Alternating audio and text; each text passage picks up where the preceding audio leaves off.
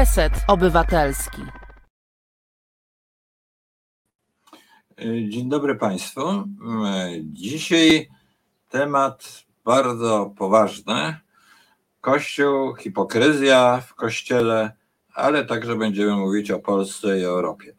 A o tym wszystkim mm, rozmowa będzie z panem Eke Overbeckiem. Ja myślę, że tutaj wielu, tutaj w zapisie czatu już wielu czeka na tę rozmowę. No bo pan e, Eke e, Overbeck dla jednych jest e, skandalistą, a dla innych dzielnym i odważnym dziennikarzem. I dla mnie to, to drugie. To drugie, żeby było całkowicie jasne. Przypomnę, o czym wszyscy prawie wiemy, książka Kulpa Maksima, o czym wiedział mm, e, e, Jan Paweł II, a miał wiedzieć w poszukiwań pana e, Overbecka, mm, Ekego, miał wiedzieć już o przypadkach pedofilii, kiedy jeszcze nie był papieżem, kiedy był w Polsce. I te rzeczy krył, wysyłał tych pedofili do również jednego z nich podesłał Kenigowi, prawda, do, do Austrii i tak dalej, i tak dalej. No, ta książka e, wywołała e, burzę. E, Eke, zacznę od takiego pytania. Czy jak wydając tą książkę, wiedziałeś, że staniesz się niemal bohaterem marszu? Najbardziej mi się podobał taki marsz protestacyjny, gdzie na czele w Warszawie szła kawaleria z takimi lancami. Tak to, jak gdyby nie, nie wiem skąd mi się wzięło, że potrzebna nie była kawaleria, ale taki był marsz protestacyjny. Ale to żarty żartami. Y, natomiast, no to znaczy sam marsz nie był żartem, tylko ta kawaleria była jakąś nieprawdopodobną głupotą. Ale mm, y, czy spodziewałeś się, że to wywrze aż tak potężny efekt w Polsce? No ja się cieszę, że to było wszystko pokojowo, że to pokojowo się odbyło, odbywało i e, że no, nie doszło do żadnych tam fizycznych e, konfrontacji.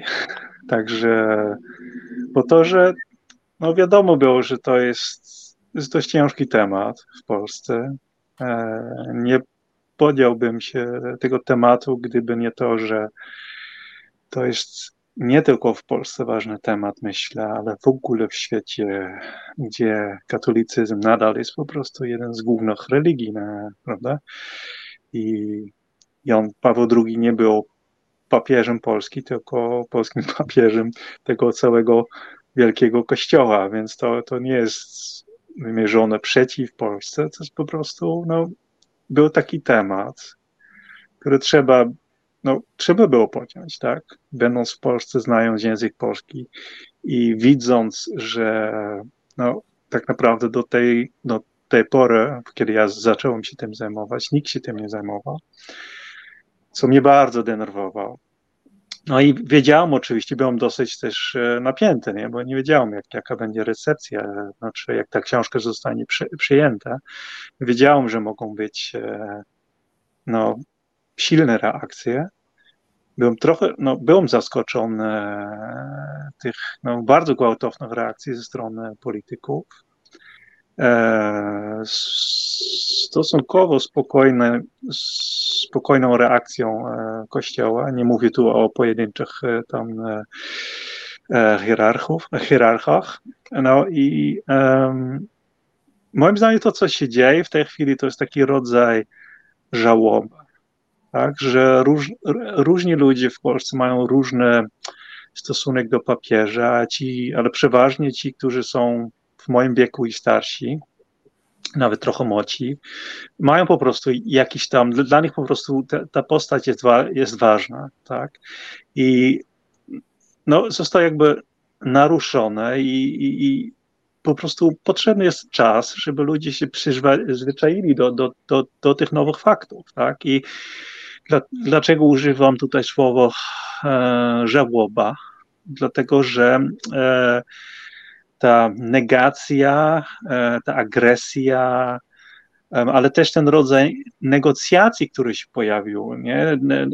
To, to co no nie będę wymienić tu nazwisk, ale tam dosyć znane osoby zaczęły takie rzeczy mówić jak, no tak, on robił tam może niedobre rzeczy, ale jednak był taki wielki Żyd.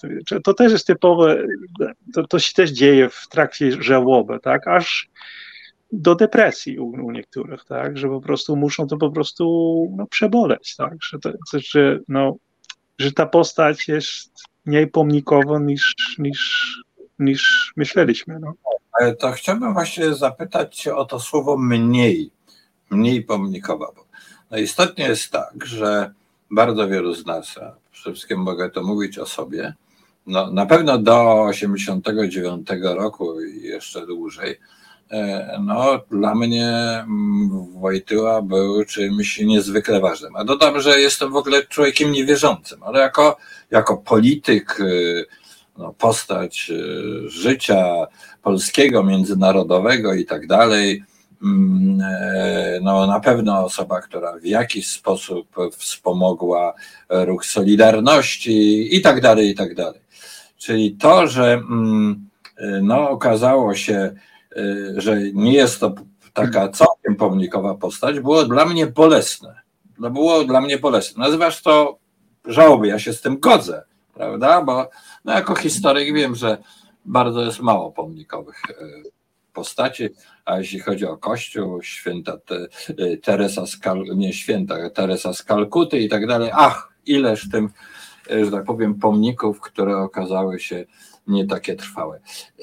Ale czy ty pisząc to zdawałeś sobie sprawę, że i miałeś taką intencję, niszczyć pomnik, czy, czy wskazać, że, że to jest nie aż takie pomnikowe. Czy, no bo y, ty jesteś rocznik 70, przyjechałeś do Polski mając y, no już jako dojrzały człowiek, czyli tamtego okresu, kiedy Wojtyła stał na pomniku, prawda? Czy to był przy wielkim ołtarzu, czy na pomniku.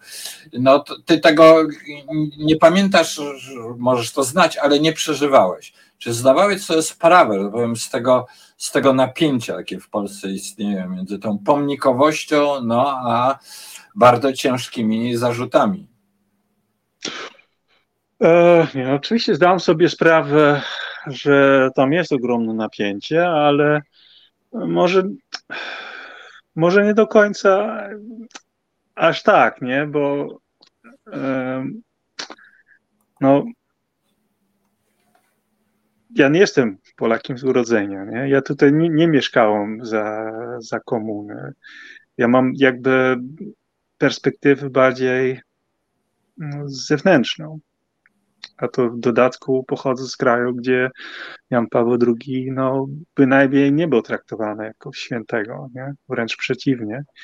Więc po prostu z natury rzeczy mam tutaj większy dystans i może to właśnie mi pomogło też um, no inaczej na to patrzeć, tak? I mniej, trochę mniej może lękliwe, strachliwe, może też naiwne, tak? Może, może nie, nie zdałem sobie sprawy do, do końca, no jak, jak, jak bardzo tutaj e, no, jak silne emocje to może wywoływać. Ale tak jak mówię, no, jak na razie, no to owszem, są bardzo silne emocje, ale z drugiej strony to, to jest proces, który trwa w tej chwili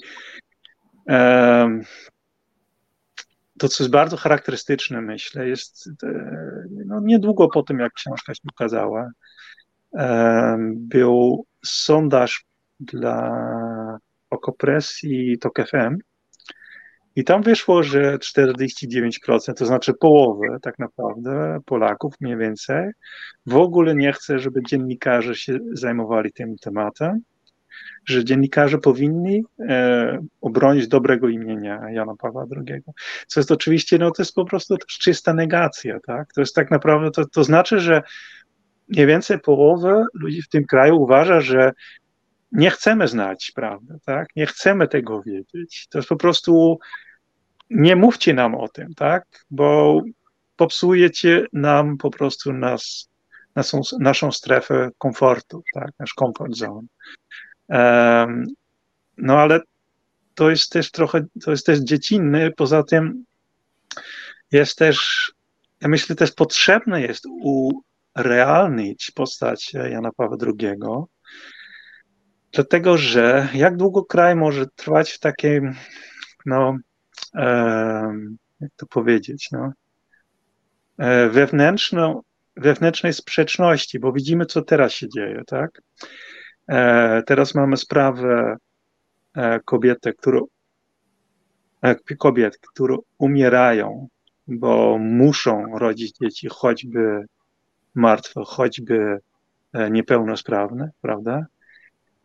Jest ogromne oburzenie, oburzenie z tego powodu i słusznie, ale prawie nikt nie wymienia e, to e, tutaj Jana Pawła II jako, jako głów, jeden z głównych e, odpowiedzialnych. Tak? Chodzimy codziennie po ulicach noszących jego imienie, imię. Mamy szkołę, które nazywają się, noszą imię Jana Pawła II i tak dalej a jednocześnie się oburzamy, że e, takie rzeczy się dzieją w Polsce, tak? To jest i właśnie u, ja myślę, że jak urealnimy trochę tę ten, ten, ten, ten postać i patrzymy po prostu na niego jak bardziej jak, jak, jak na człowieka, to jakby ta dyskrepancja, tam, nie, nie ma tego słowa po polsku, nie ma tego... tego odczysta. Ta, ta, ta, po prostu ta, ta, ta sprzeczność wewnętrzna, która jest bardzo silna w Polsce, staje się mniej jakby dotkliwa. Tak? Bo nie ulega wątpliwości, że Jan Paweł II zawsze będzie po prostu wielką, wielką postacią w polskiej historii. Sam przed chwilą używałeś słowo politykę, polityka. Jako polityk, no to jest to, to po prostu no, trudno bardziej udaną karierę niż e, karierę Jana Pawła II, prawda? To, co on osiągnął jako polityk, to, jest, to, jest, to, to nie ulega wątpliwości. Tylko, um, że on był wielki, tam e, ma ogromne znaczenie dla Polski. Tylko jako papież, jako przywódca no, moralny, tak, duchowy, no to są poważne wątpliwości. I myślę, że należy mówić, nie można mówić tylko o jednej stronie, o stronie, tak? Że to jest po prostu, żeby mówić o, o tej postaci, trzeba o, o całości e, mówić. Ale to nie jest tak, że jak rozmawiamy o, o tych sprawach, gdzie on, no po prostu, gdzie on się znalazł po złej stronie historii de facto, tak? Bo jak mówimy o, o, kryzysie przestępstw pedofilskich w kościele, no to on znalazł się po złej stronie historii. Ale to no, musimy też o tym rozmawiać, tak? Bo jak nie, to jest po prostu, to jest, poszukajcie. A najważniejsze, to chcę jeszcze podkreślić, najważniejsze, dlaczego musimy o tym mówić? Bo musimy, to jest po prostu, to też wobec, wobec ofiar po prostu musimy to robić, tak? To jest po prostu... Dźwięk jakiś dziwny. Jak, jak, jak mamy funkcjonować jako otwarte, wolne, demokratyczne społeczeństwo, jeżeli e, bazujemy na zakłamaniu takim? Tak? Nie możemy. Ale czy to jest dyskusja mm, Eke o mm, samym Wojtyle, czy to jest dyskusja szerzej o Kościele? No, no to jest i to, i to, to jest to, i to, ale w Polsce, w Polsce... W Polsce ale też po części o no, w jakimś sensie o Europie, bo ten kryzys Kościoła związany z pedofilią no, dotyka bardzo wielu miejsc e, w Europie. Irlandii, Hiszpanii i tak dalej, i tak dalej. No właściwie wszystkich, wszystkich krajów, gdzie jest jakaś tam obecność Kościoła katolickiego. No prawda? Kościół katolicki no, jest tym największym wyznaniem. W, no, w tej chwili kraje zachodnie są bardzo silnie sekularyzowane, nie tylko zachodnie, bo, bo, bo i, e, i Słowacja i tak dalej, i co mówię, Czechy i tak dalej. No ale, ale jest też w ogóle stosunek do tej tradycji, prawda, chrześcijańskiej. To, to rzuca światło na całą tą tradycję chrześcijańską. To więc y, to, czy pisząc tą książkę miałeś poczucie, że ty wrzucasz y, taki kamyczek do jakiejś, y, no, z, nie do jakiejś kałuży, prawda, takiej brudnej, ale że do dosyć szerokiego jeziora i że to, mm, no i od razu pytanie, czy ta twoja książka zostanie przetłumaczona na inne języki? Na ile ona się dołączy do takiej szerszej dyskusji na temat. No mam nadzieję, że tak. Także tak. pracujemy na tym, ale jak na razie jeszcze, jeszcze nie, ale to trwa. Y, y, poczekaj, tylko ja bym chciał na chwilkę wdać się w obronę e, polskości, na chwileczkę. A mianowicie e, powiedziałeś, oczywiście ja doceniam Twoją odwagę mm, przy pisaniu i podjęciu tego tematu, ale chciałbym wskazać, że takich książek, na chwilkę tylko je pokażę, prawda? I Leociaka, i, i tłumaczonych książek, i Obierka i tak dalej w Polsce, no powiem, no było już parę, no co niemal mała biblioteczka. Na tyle, na ile ty się inspirowałeś też tą dyskusją na temat polskiego kościoła, prawda? Ona nie koncentrowała się chyba wokół, no to sprawy pedofilii w polskim kościele były dobrze znane, ale może nie łączone z Wojtyłą tak bezpośrednio, prawda? Ale były często łączone z dawniejszymi sprawami Holokaustu i tak dalej. E, też bardzo trudne tematy. Na ile, e, na ile zabierając się do tej pracy nad tą książką, miałeś to wszystko na widoku, czy też byłeś skoncentrowany tutaj na tym jednym temacie, e, ponieważ przeczytałem w Wikipedii, że, że brałeś, że to się wszystko od ciebie zaczęło od udziału w takiej, takim komitecie pomocy tym ofiarom, tak? Nie, nie, nie, nie, to jest, wiesz, to, no, nie wiem, co Wikipedii tam, tam pisze. Nie, nie wiem, co, nie wiem o, o, o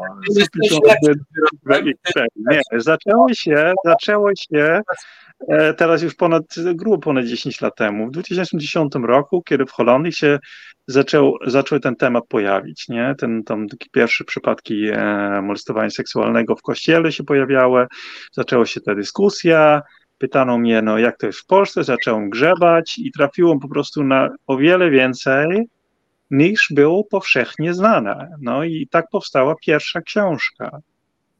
Pierwsza książka, lękajcie się, to jest, e, to jest dokładnie to jest 10 lat temu, tak? To jest 10 lat wcześniej. I potem ja nie chciałem się już zajmować tym tematem, tak? Stwierdziłem, że no trochę nie moje małpy, nie mój cyrk, tak? To jest, nie jestem katolikiem, nie jestem Polakiem. To nie jest moje zadanie, tak? Ale i owszem, potem polskie media bardzo intensywnie zaczęły się zajmować tym tematem, co jest bardzo dobrze. Ale temat, ale bez, omijając cały czas Jana Pawła II, tak? i dla mnie był absolutnie jasne, um, jasne, że moment, bo coś mi się dzieje z telefonem. Przepraszam. No na chwilkę prze... zaraz się nasz gość dołączy. E, przypominam tutaj, mówimy o książce Maxima Culpa, o tym, co wiedział Jan Paweł II przed e, przed tym o pedofilii w polskim kościele, nim papieżem e, został. Nim papieżem został. No, e, ta książka, jak wiemy, wywołała ogromny protest i przez chwilę zdawało się, że będzie mm, jednym z głównych przedmiotów, tematów kampanii wyborczej. E, no, tak się jednak mm, nie stało, mimo zorganizowanych marszów, protestu i tak dalej, no tak trochę mam wrażenie od góry, y, y, ta sprawa nie nabrała takiego politycznego rozmachu. Natomiast y, mm, ona jest nadal warta dyskusji. To, co powiedział nas gość przed chwilą i na którego tutaj czekamy, on mm, mówi, że po prostu, że to było takie no, pokazanie, że to nie jest aż tak y, pomnikowa postać.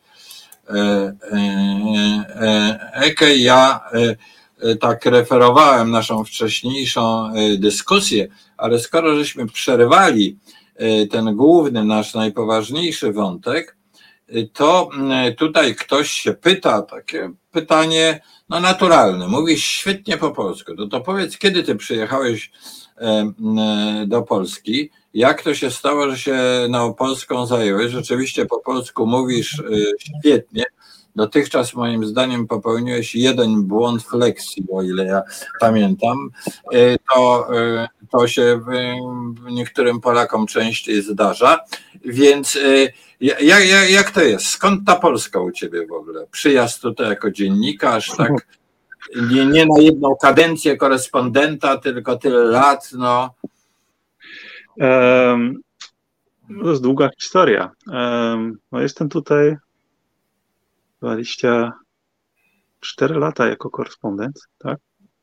A przy tym, tak naprawdę to się rodziło z, z takiej fascynacji trochę, no, nieznanym, tak? Te, tym, co, co nieznane. To znaczy, jak upadł, upadł komunę, upadła komuna, no to po prostu byłem studentem. Chciałem zobaczyć, jak, jak jest po tej stronie, więc przyjechałem do Polski. To było na początku lat 90. No i tam pierwsze, pierwszych słów po polsku się nauczyłem. Także i potem pod koniec lat 90. wróciłem to już jako, jako, jako dziennikarz. Tak? Także... Była, y, znaczy fascynacja egzotyką, ale z drugiej strony połowa tam lata 90. to jeszcze Polska była na topie, to nie była Polska Kaczyńskiego, tylko to była Polska Wałęsy, jeszcze wciąż y, Polska też dodam Jana Pawła II, którego ten niepomnikowa, że tak powiem. Słuchaj, ja mam problem z telefonem. Co się dzieje z moim telefonem? Tak, Bardzo ale niedobrego. Widzimy cię, wiesz? To widzimy tak, cię. Zaraz, zaraz mnie wyrzuca. Co, coś się dzieje z telefonem? Coś bardzo dobrego. On się staje bardzo gorący. Coś się dzieje złego. Także. Odłączyć komputer? Spróbuję przez komputer. Spróbuję przez Dobrze. komputer, bo tu coś bardzo niedobrze się, się dzieje. się rozłączysz. Ja tu popróbuję przypominać te rzeczy wokół tej całej dyskusji związanej z Jawem Pawłem II. EKE się zaraz dołączy, prawda, z lepszym urządzeniem elektronicznym.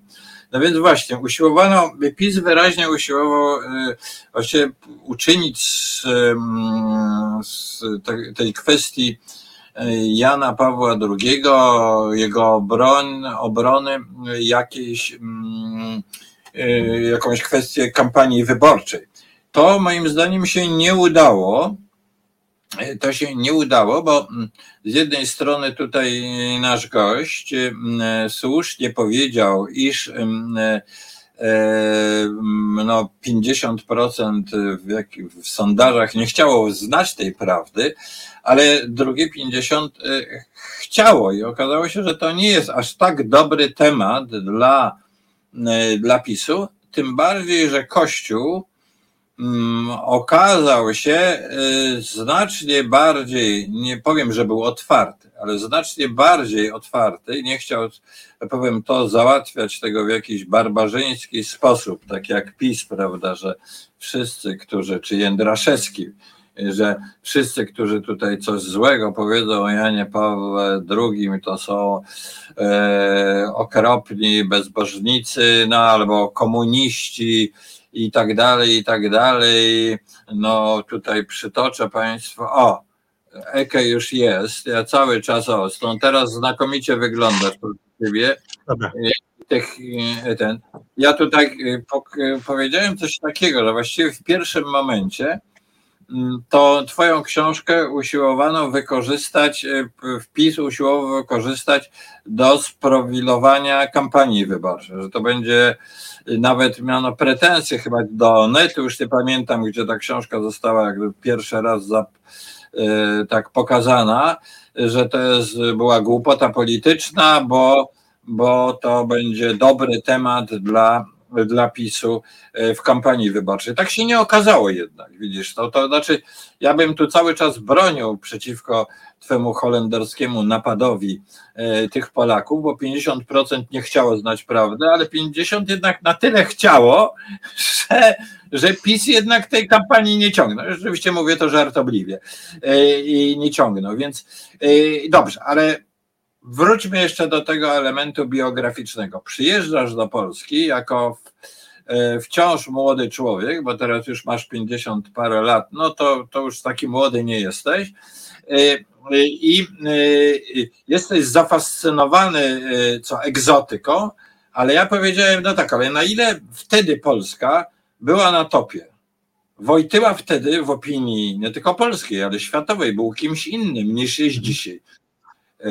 I, i, i to jest moje też takie pytanie, na ile no te, jak długo trwało to, że ta Polska jest w topie, e, jest widziana jako kraj Solidarności, który wspomógł obalenie komunizmu i tak dalej, Wojtyła też, a kiedy się to zaczęło, że, że to się zaczyna sypać? Jak ty dostrzegasz przyczyny tego, że taka formacja jak PiS, która w tak no, barbarzyński sposób, nieskuteczny zresztą broni Wojtyły, y, dochodzi, nie tylko, że ona dochodzi do władzy, ale ten duch dochodzi do władzy. No. Jak ty to dostrzegasz? O, to jest bardzo, bardzo dużo rzeczy naraz. Także nie wiem od czego mam zacząć, ale no to dobrze, zaczynam od tego, tego ostatniego wątku. Eee, no skąd ten PiS? No myślę, że w sumie widzimy w Polsce coś, co widzimy w wielu krajach, tylko w Polsce jest to bardziej jaskrawe i ostrze niż w wielu innych krajach, eee, że jest właściwie mniejszość, która czuje się zagrożona e, przez zmianę. Bo żyjemy w czasach, gdzie są bardzo szybko e, świat się zmienia, prawda? Pod wieloma względami, e, względami, to nie ma sensu to wszystko tutaj wymieniać.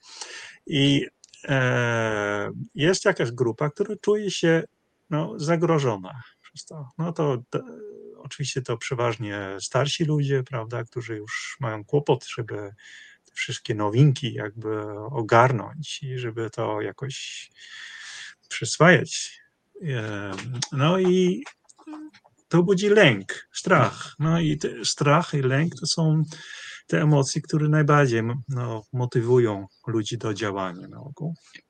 I nawet jeżeli to jest mniejszość, to jest mniejszość, która jest zmotywowana, żeby działać. Podczas gdy ta większość, która się odnajduje w tych, tych realiach, jakoś tam jest skoncentrowana na swoje życie, tak? Jest mniej zmotywowana, żeby się zorganizować politycznie, jest zainteresowane ideologami, tymi dyskusjami politycznymi, zajmuje się swoim ży życiem, swoim biznesem e, i to trochę to tłumaczy, to jest jedna rzecz. I druga rzecz to, że system w Polsce pozwala na to, że mniejszość rządzi jakby była większością. Tak? No dobrze, ale jak ty to, to widzisz? Jest... Jak odbierasz Polskę? Może kończę to. Tak, tak, przepraszam cię, teraz skończ myśl. Tak, tak.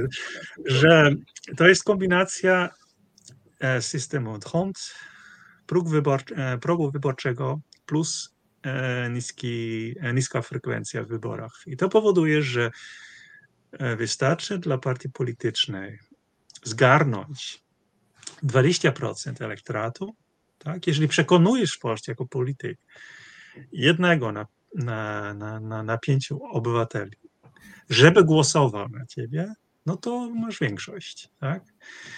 Kiedyś to wyliczyłem, jeżeli e, w Holandii na przykład musisz ponad 40% przekonać, żeby zdobyć absolutną większość w, w parlamencie. I to powoduje to, że taki polityk jak Kaczyński, ale to, to będzie, póki ten system jest tak, tak, taki, jaki jest, to każdy, to, to, to tak naprawdę jest premia na to, żeby ignorować większość. Tak? Wystarczy mieć stosunkowo małą e, grupę, tych powiedzmy 20%. Jeżeli ich motywujesz, tak, to wystarczy ci, żeby utrzymać władzę. I resztę możesz Czekaj, że tak naprawdę no, nie będę używać e, e, brzydkich wyrazów, ale możesz się nimi nie przejmować. Wystarczy wtedy. Czekaj, czekaj ale to, żebyśmy była jasność dla naszych widzów. Ty liczysz to w taki sposób, że ponieważ mniej więcej 60% głosuje, a 40%, tak. y, a nawet mniej, a z tego jak PiS uzyska 38-40%, to już mu starczy, to to jest mniej więcej wtedy 40%, 60%, to to jest mniej więcej co piąty, no czy co czwarty góra No Polska. tak, bo jeszcze jest próg wyborczy, jeszcze jest ten system HONT, który premiuje, prawda, e, większe partie. I, I to wszystko razem powoduje, że wychodzi no mniej więcej 1, 1, 1 na 5, tak? A w No system, to, jest, to jest absolutnie proporcjonalnie, tak w, w Holandii na przykład, gdzie poza tym frekwencja jest wyższa, no to, to musisz jednak e, dwóch obywateli na, pię, na, na, na, na pięciu musisz się przekonać. Więc jest, du, jest dużo trudniej, ale to też po, powoduje to, że jako polityk nie możesz być tak radykalny, bo musisz jakby szersze spektrum elektoratu musisz jakby przeciągać na swoją stronę, tak?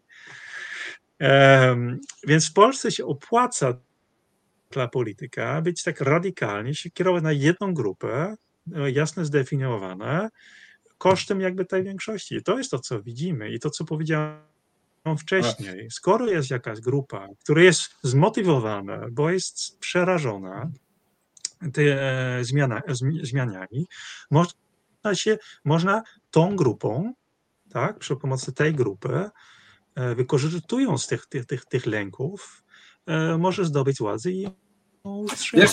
To jest to, co my widzimy tak naprawdę od 8 lat ten sposób widzenia już, który zaprezentowałeś, jest bardzo zachodni, bo ty jakby ta opozycja obecnie demokratyczno-liberalna widzi w tej dosyć żelaznym elektoracie PiSu, tym co piątym Polaku, a tym 30% wyborców, widzi raczej, no, jakiś rodzaj takiego tradycjonalizmu, nawet no, braku rozsądku, niemal głupoty i tak dalej. Natomiast ty używasz innego terminu. Ludzie przestraszeni prędkością zmian. Ja to też słyszałem w Niemczech, prawda, że jest ten taki wyborca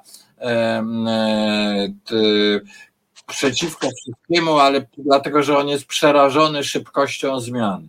No, tak, to jest który w Polsce trzeba dodać, są jeszcze bardziej radykalne niż na Zachodzie, tak? Bo to, co Polska przeszła po 1989 roku, jest, to są jeszcze większe zmiany, zmiany prawda? Ta, ta, bo Polska o wiele dłużej stała się takim, no, nazwijmy to tradycyjnym krajem. To, to zresztą dobrze widać, jak patrzymy na nasz temat dzisiejszy, tak?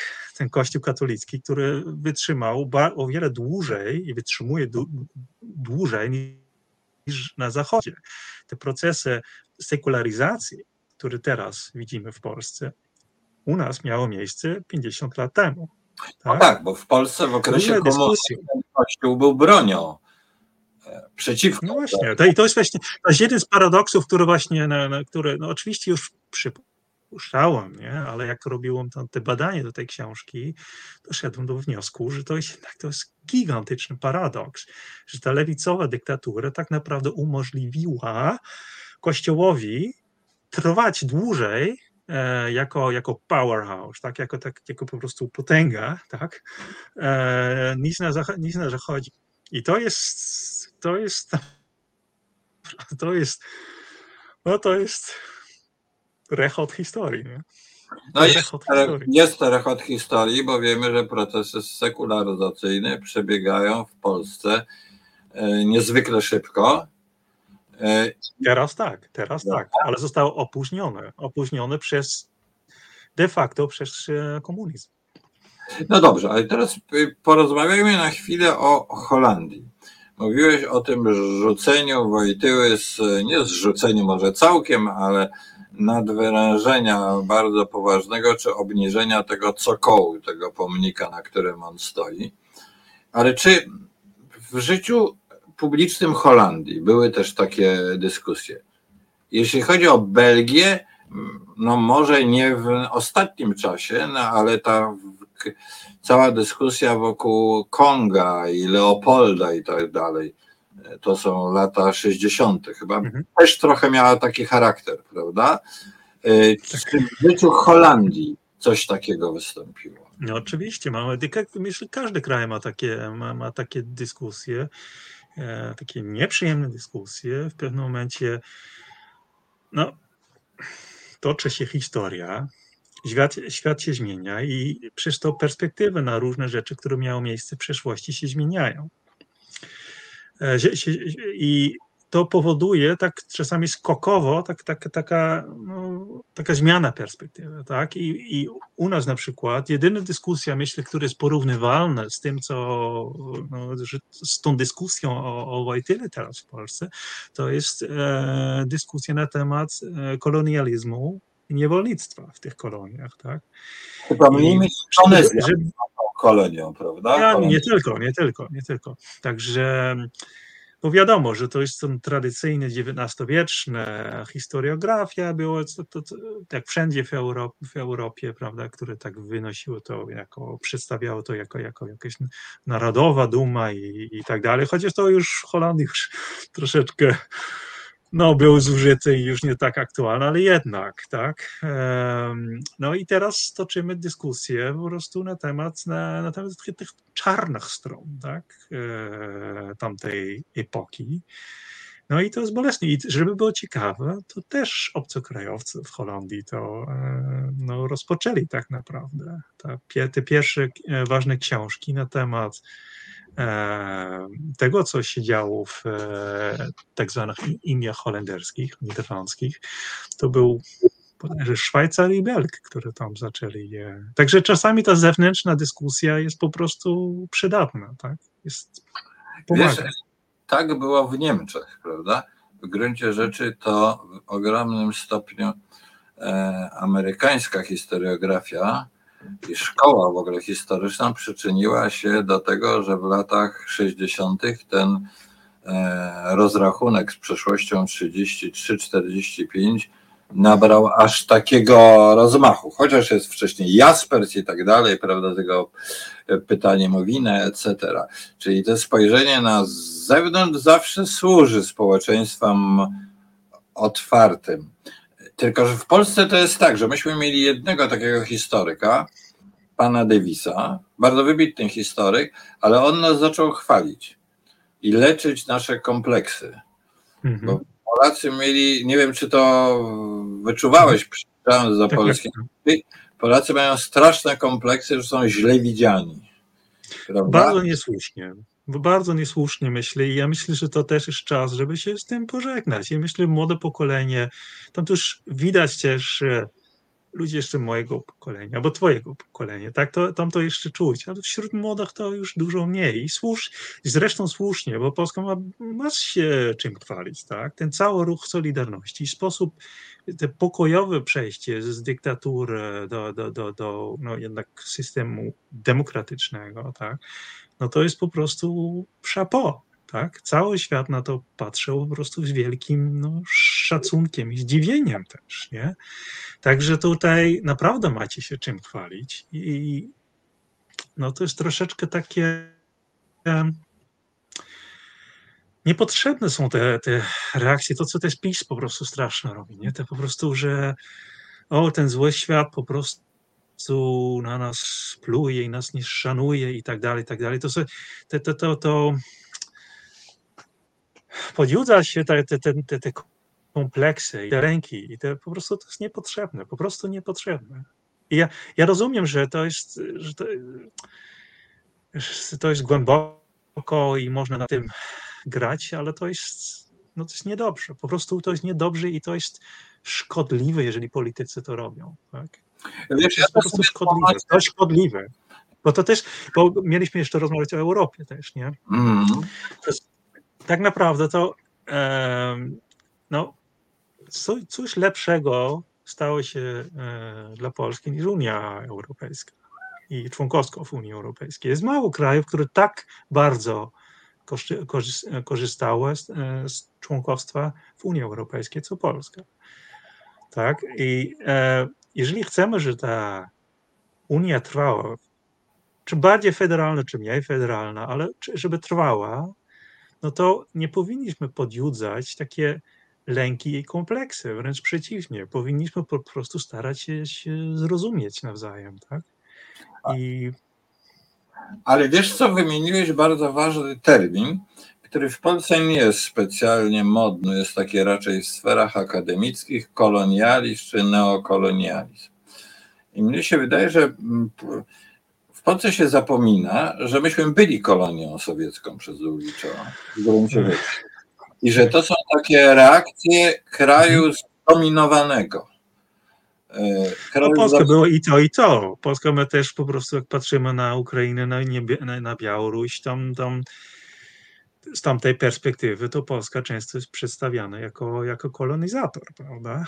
Że ta polska nie, szlachta jakby, te, tak, także to jest, to też czyni po- Polskę tak arcyciekawe jak, jako, jak, jako przykład historyczny, bo był zarówno taki okres, kiedy można określić Polskę jako kolonizator. Zresztą też jest taka, taki opis pierwszej Rzeczpospolitej jako kolonizacja wewnętrzna, prawda? Jan Sowa to tak, tak, tak, tak opisał, że ta szlachta jakby prowadzi taką wewnętrzną kolonizację, tak? kosztem większości, kosztem chłopów, prawda? Ja jeszcze Także, także to jest, ale z drugiej strony oczywiście Polska była, była ofiarą tak, e, kolonializmu, tak, e, imperializmów różnych. Także, Ja do Twojej tej wycieczki w głębszą historię jeszcze wrócę e, z pewnego względu. To rzeczywiście temat bardzo ciekawy, ale ja bym powiedział cały XIX wiek i potem e, no, okres PRL-u, no to w jakimś sensie jest Polska jest kolonią, chociaż Polacy z uwagi na swoją dumę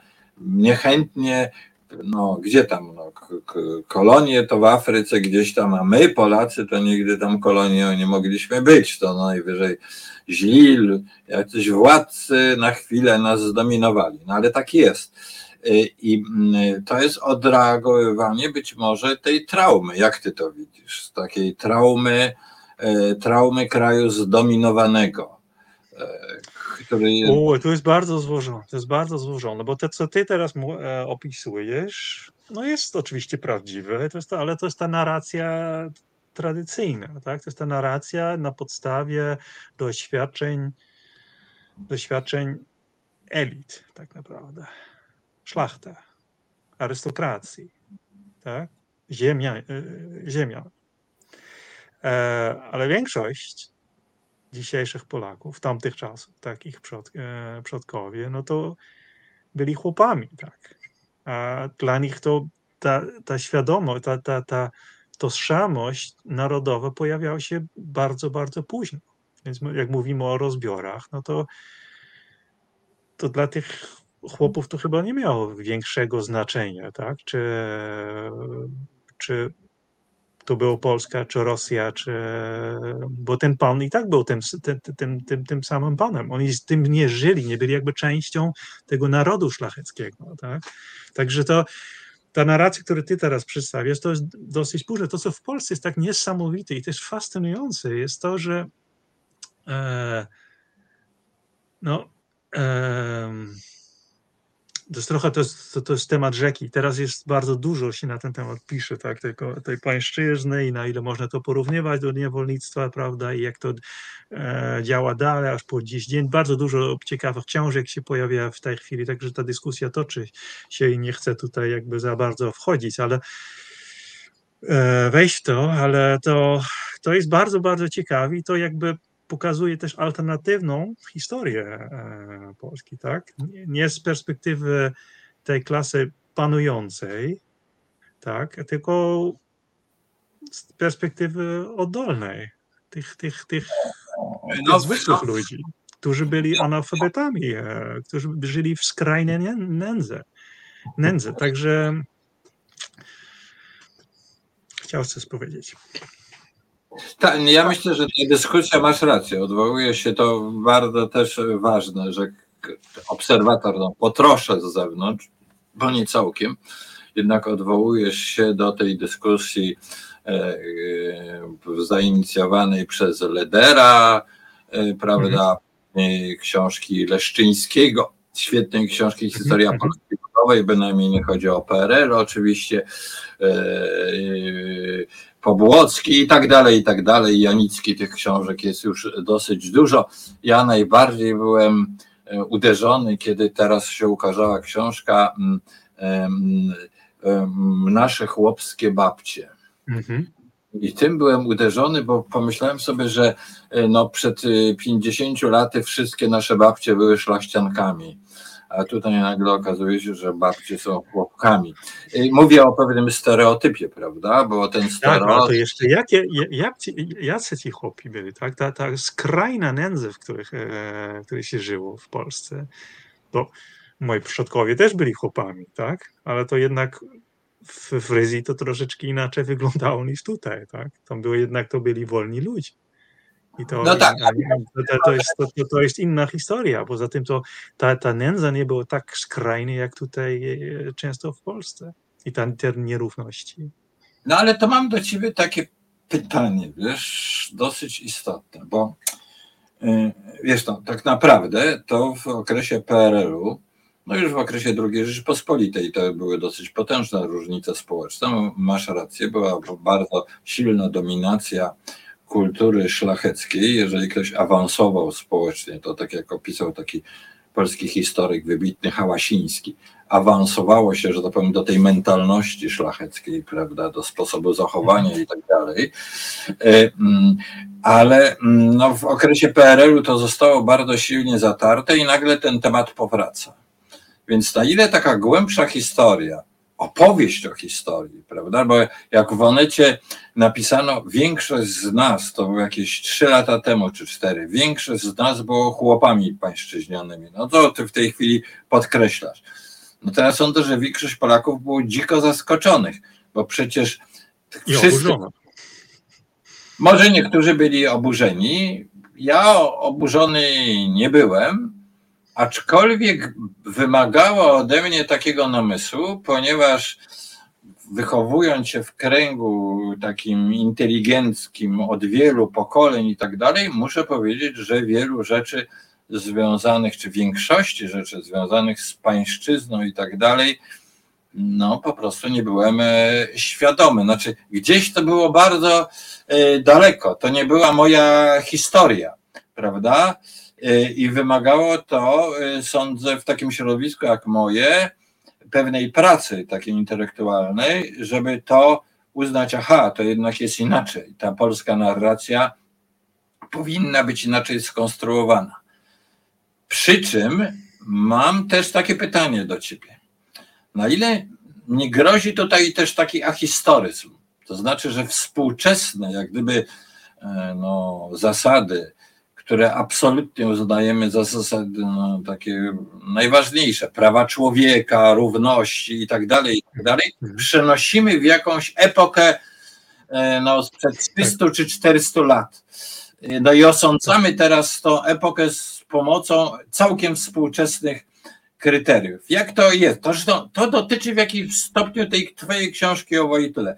Bo ja się też nad tym zastanawiałem. No, ta świadomość pedofilii, i, i tak dalej. Jest na dzisiaj, no to są sprawy oczywiste, wtedy one były jakoś ukryte i jest do pewnego stopnia narzucanie tamtej epoce tych kryteriów w jakimś stopniu ahistorycznym. Stawiam to wszystko w cudzysłowie w tej chwili, prawda? To znaczy, na ile przenoszenie no, wartości, sposobu przeżywania wartości dzisiaj w mhm.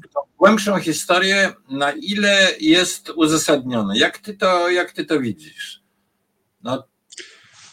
Um, to, to, będę mówić o tym wątku e, książki, dobrze? Że o ile to jest ahistoryczne. No tak, jak, tam, jak tam też podkreślam w książce, że jak chodzi o ocenę Wojtyle, Wojtyłę, e, dużo ważniejszy i poważniejszy jest e, pontyfikat, tak? Bo oczywiście e, te lata, kiedy on był e, arcybiskupem w Krakowie, to było po prostu to, to, ta świadomość była mniejsza, to jest prawda, to było oczywiście, no to były inne czasy, tak? To, co jest ważne, ale też nie do końca, bo e, owszem, to, że on nie zgłosił tego do, do, do, do nie wiem, na milicję, bo to jest, to jest logiczne, tak? bo to też było takie zarzuty, no bo to jest oczywiście, że, że to były inne czasy, tak? Ale to jest to troszeczkę um, czyli najważniejsze, najważniejsze jest to, żeby rozumieć, że to, co się działo tam w Krakowie, PRL-u, tak, gdzie on miał doświadczenie z księżmi, którzy popełniali takie przestępstwa, rzutuje zupełnie inne światło na ten okres pontyfikatu. Tak, i tam już te różne ahistoryczne e, oceny już nie są na miejscu, bo, w bo ten kryzys e, w kościele wybucha w połowie lat 80., a w tym momencie już jest ta świadomość, jak no, działa to okropnie źle, destrukcyjne na psychikę człowieka, a tym bardziej w latach 90., tak? A mimo tego on nie podejmował kroków poważnych, tak? tak? Dopiero w 2001 roku pod presją e, Ratzingera, tak? Czyli to, że on miał tę wiedzę, to jest, to jest tak naprawdę najważniejsze tutaj, że on w momencie, kiedy został wybrany na papierze, on już wiedział o tym, że takie przestępstwa pedofilskie zdarzają się w kościele. I to oznacza, że to nie było nic nowego dla niego, kiedy on usłyszał najpóźniej w marcu 85 roku o tym, co się dzieje w Stanach. Nie jest możliwe, że on był zupełnie zaskoczony, że to było coś nowego, albo że myślał, że to jest wyłącznie amerykański problem. Nie, to jest, to jest kłamstwo, to jest nieprawda, bo on już wiedział o tym wcześniej. On to znał już ten problem tak naprawdę od podszewki już e, z Polski. Tak?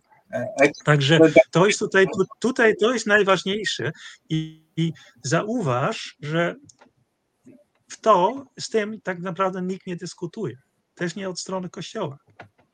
To, co się działo e, po ukazaniu się książki i reportażu e, w TVN, jest niesamowity tak naprawdę e, ruch no, do tyłu ze strony Kościoła. Oni jakby opuścili ten, tę pozycję, którą można określić jako nie wiedział.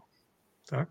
On nie wiedział, nie mógł wierzyć, prawda, bo miał jako kardynał w Krakowie, miał doświadczenie, że SB fałsz, e, fałszował, e, fałszowała e, takie dokumentu, żeby tam oskarżyć fałszywie księży, kiedy do, za późno do niego dotarło i tak dalej, i tak dalej. Ta, czyli ta cała obrona, którą można streścić jako nie wiedział, została opuszczona. Kościół już tak nie stwierdził. Sam papież przecież reagował na, na, na, na to, co myśmy znaleźli, tak? mówiąc, że tak, po prostu takie sprawy były tuszowane do Bostona, czyli do 2002 roku. Co jest naprawdę jest niesamowite, że sam papież reagował na to, tak? co, co myśmy robili, tak? co napisałem. I widać, daj mi skończyć, e, w tej chwili jakby Kościół się wycofał na takie pozycje, że mówiąc, że no wiadomo było, że takie rzeczy się, się działało, takie po prostu były czasy i tak naprawdę na tamte czasy Wojtyła się świetnie zachowywał, tak? Ale nie w tym rzecz. Rzecz w tym, że skoro e, wiedział o tym, skoro miał z tym do, do, do, do, do, do czynienia już jako e, biskup, już jako kardynał, to znaczy, że on od samego początku swojego pontyfikatu miał wiedzę. Wiedział o co chodziło i wtedy nie reagował, tak? Wtedy nie działał. I to jest tutaj najważniejsze. I wtedy nie, nie można już powiedzieć, że o, że nie było tej świadomości, jak to było złe. Nie, ta świadomość już była. Tak? Tym bardziej, że ten kryzys w Stanach już się rozwinął błyskawicznie. E, już na początku lat, no, no pod koniec lat 80. już było w Kanadzie, w latach 90. już w Irlandii i tak dalej, i tak dalej, jak domino. I też dotarło do Polski, tak? Pierwsza sprawa Tylawa 2001 roku, e, sprawa szczecińska, tak? No, e, potem no, moja książka tam swoje pięć groszy czy tam, e, tam, tam, tam, tam dorzuciło i potem poszło, tak? W Polsce też. I to, co się dzieje, to, że cały czas z tym się borykamy, jest efektem, jest rezultatem tego, że Jan Paweł II patrzył w drugą stronę, nie, nie podejmował kroków. Tak? I to też, dlatego też myślę, że jesteśmy uprawnieni, mówiąc, że ci, którzy padli ofiarą takich przestępstw w latach 80., 90., 2000, tak, w Polsce, tak, bo w Polsce to, to nie są historyczne bardzo sprawy, to, to jest bardzo niedawno, to się dzieje, no, okazuje się nawet po dziś dzień czasami, tak, że to są w pewnym sensie ofiary milczenia Jana Pawła II. On nie w pewnym sensie są po prostu.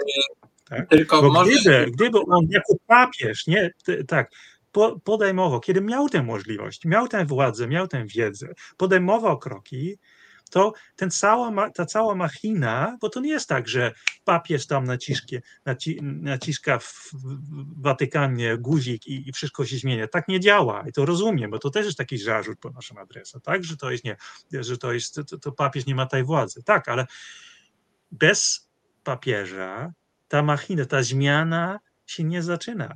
A skoro Jan Paweł II patrzył w drugą stronę, nie, po prostu uporczywie ne, e, ignorował tak naprawdę ofiarę, tak? Nie, jakby nie chciał wiedzieć, tak? Taki mechanizm jakby wyparcie u niego działało, a to powoduje to, że dzisiaj w Polsce cały czas mamy ten problem. Znaczy, ale tutaj były aż w naszej, na czacie istotne takie uwagi i zresztą ja też chciałem taką uwagę uczynić. Mianowicie jedna rzecz jest, bo to się często tak widzi, no kto? On nie karał, nie usuwał z kapłaństwa księży, którzy dokonywali takich e, przestępstw.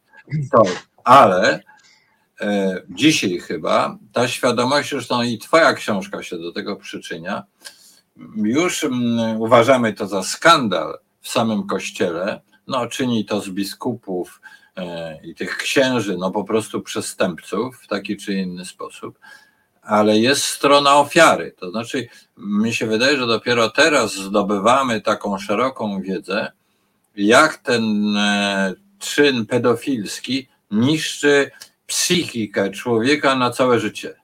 To znaczy, No, to, to jest już dawno, już, no, już od dawna Tak, jest. ale tego moim zdaniem tej świadomości długo nie było. Tej świadomości długo nie było. Zwracano w kręgach, no to okropne, y, tego nie powinno być. Takie no, sorry, sorry, kto jak to, sorry, sorry, sorry, kto jak to, ale jeżeli ktoś jest tym wielkim no, autorytetem moralnym, tak, tym wielkim przywódcą duchowym, tak, i ma dostęp do tej wiedzy, jest skonfrontowany z tym problemem, to nie może powiedzieć, no nie wiedziałem, tak? Ja nie Ta powiedziałem tego, wiedza była dos- dostępna i to jest po prostu, to jest, to jest,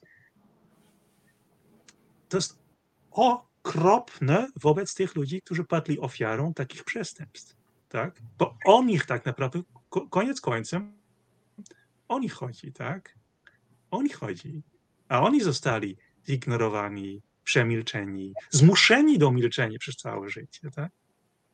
Tutaj nie, ja- to- ja to- mówiąc sobie, to takie, ja mówiąc o tym nie chciałem niczego usprawiedliwiać, broń Boże, tylko to było raczej, to był z mojej strony tylko opis przebiegu tej dyskusji, że najpierw zwracano uwagę na taki skandal w kościele, prawda, a nie usunięto tego kapłana, a ten biskup coś ukrywał, ale coraz bardziej jesteśmy świadomi, i to zresztą było uwagi naszych, e, e, naszych słuchaczy czy widzów, że właśnie chodzi przede wszystkim o to ofiary. Jeżeli będziemy świadomi tego, że osoba, która pada e, ofiarą pedofilstwa, że to niszczy jej nie tylko życie seksualne, życie psychiczne i tak dalej na Tak, całe życie. Chcę jeszcze jedną uwagę tutaj, chcę jeszcze jedną uwagę tu dodać, tak? Bo jeszcze raz, kto jak kto. Nawet bez tej wiedzy, tak? Bez tej wiedzy, jakie to ma gigantyczne skutki, jakie sieje to spustoszenie, tak? W duszy e, człowieka. Nawet bez tej wiedzy, no, człowiek, który jest tym wielkim autorytetem, który poucza wszystkich, zwłaszcza w sprawach seksualnych, tak? narzuca surowe, bardzo surowe, no, jak to nazywają, etykę seksualną, tak? No, ten człowiek miał nie rozumieć, że seks z dzieckiem, tak, jest czymś złym, no, to jest już, to, to, nawet nie zasługuje na, na, na, na, na, na poważną dyskusję. Sorry, tak? Jeżeli dla ciebie spojrzenie na, na, na kobietę, która nie jest twoją żoną, tak? To już jest grzech. Tak? Jeżeli każda forma tak naprawdę seksu, seksualności poza małżeńskim jest tak naprawdę ciężkim grzechem, tak? To No, co mamy myśleć, a, a równocześnie tolerujesz de facto to, że twoi kapłanie tak, mają seks z dziećmi? Tak? Czy naprawdę musisz wtedy mieć tę obszerną wiedzę psychologiczną, jakie to sieje pus- spustoszenie w duszy człowieka, żeby to potępić, żeby coś robić? No, chyba jednak nie. Chyba jednak nie. no dobrze, a mm, no i Sorry, to jest po prostu. Ja, to ja uważam, że ci, którzy. To, to, to jeszcze jest jedna uwaga, która jest też bardzo ważna tutaj. E, Ja to powtarzam ciągle, bo to jest, wiesz, to, to- jest cytat z filmu e, Spotlight, nie? O, o tej sprawie e, bosto- bostońskiej. Tam jest, tam jest ten, ten adwokat tych, tych, tych survivors, jakoś, czyli nie ofiary, tylko ci, którzy przetrwali, który mówi, że jeżeli potrzebne do wychowania dziecka jest cała wioska, to do molestowania dziecka też jest potrzebna cała wioska. I, jest, i to jest tak naprawdę kwintesencją, kwintesencja problemu. Tak? To się nie działo w próżni. To nie jest tak, że nikt nie wiedział o tym. Tak? I jeżeli teraz ludzie bronią albo mówią, że bronią dobrego imienia Jana Pawła II, tak naprawdę często bronią siebie.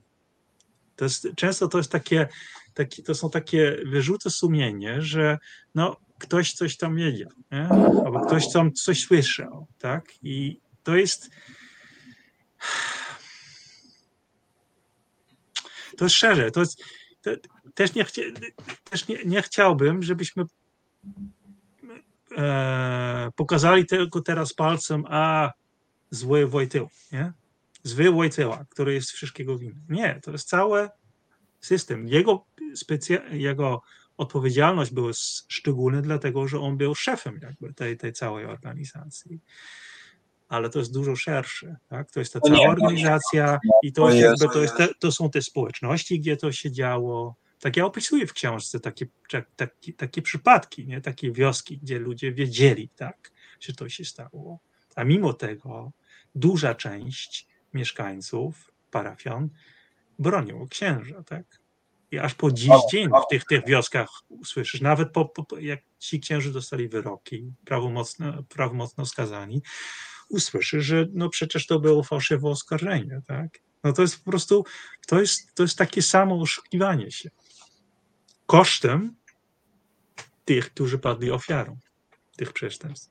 No, mało tego, znamy przypadki matek, które wiedząc nie protestują e, przeciwko temu, że ci księża e, no, zadają się seksualnie. Tak, ale to zauważ, jak często ten motyw się też w innych okropnościach e, wraca, tak? Że matka. To jest zaprawa o taką prostytucję, prawda, pewnego typu. No tak, ale często to było prostytucja. Często się zdarzało, jest dużo mamy. Często tak, tak, tak, tak słyszeliśmy, że no, tam rodzice to tolerowali, nie? Bo dziecko wracało, nie wiem, z pieniędzmi, albo z jakimś tam darem, albo, prawda? Albo że ksiądz kup, kupił, kupił tak naprawdę takie usługi u dzieci.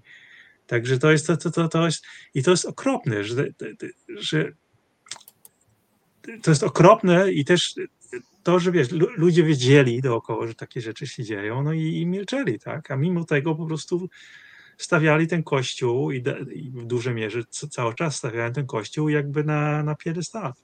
No dobrze, ale to zadam Ci szersze pytanie, bo jednak całe lata się tym zajmujesz.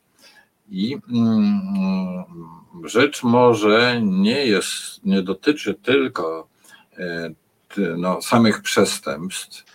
I mm, no, oczywiście ofiary powinny być na pierwszym miejscu. Znacznie bardziej powinniśmy zwracać uwagę na cierpienie ofiar, na zniszczenie tych ludzi psychicznie Ale jest całe nauczenie seksualne Kościoła. No jest, zwróciłeś uwagę na to, no, że właściwie Jan Paweł II jest autorem tego, co jest zrozumieniem seksualności we współczesnym Kościele, w tej encyklice Humane Vitae, prawda? To tak wyraziście sformułowane. No i teraz, że, że coś jest właściwie chorego w całym Kościele i to od bardzo, bardzo dawna związane z seksualnością. Ja studiowałem kul i filozofię i muszę powiedzieć, że mnie to kiedyś uderzyło, kiedy czytałem mm, już świętego Augustyna wyznanie, prawda?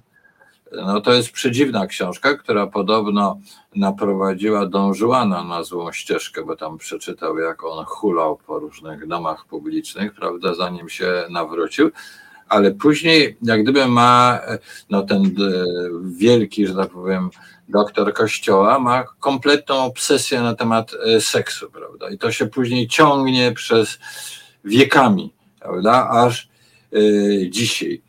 No i jest taka teza, no, że, że ta kontrola seksualności to jest po prostu narzędzie władzy, prawda? Tak, i to te, moim zdaniem jest bardzo dużo prawdy w tej tezie. Także, no. ale to jest temat rzeki. Ja w książce tam też zaznaczam na początku, że się ograniczam do pytania, proste pytanie, wiedział, nie wiedział, tak? I tak już wyszło ponad 500 stron, tak? Także nie zadaję tam jeszcze pytanie, dlaczego. Um, tak, to jest to takie mówię, to jest temat rzeki, no ja nie wiem, gdzie zacząć, no. Nie wiem, gdzie zacząć. Prawdą jest, że w ogóle chrześcijaństwo e, no, przejmując jakby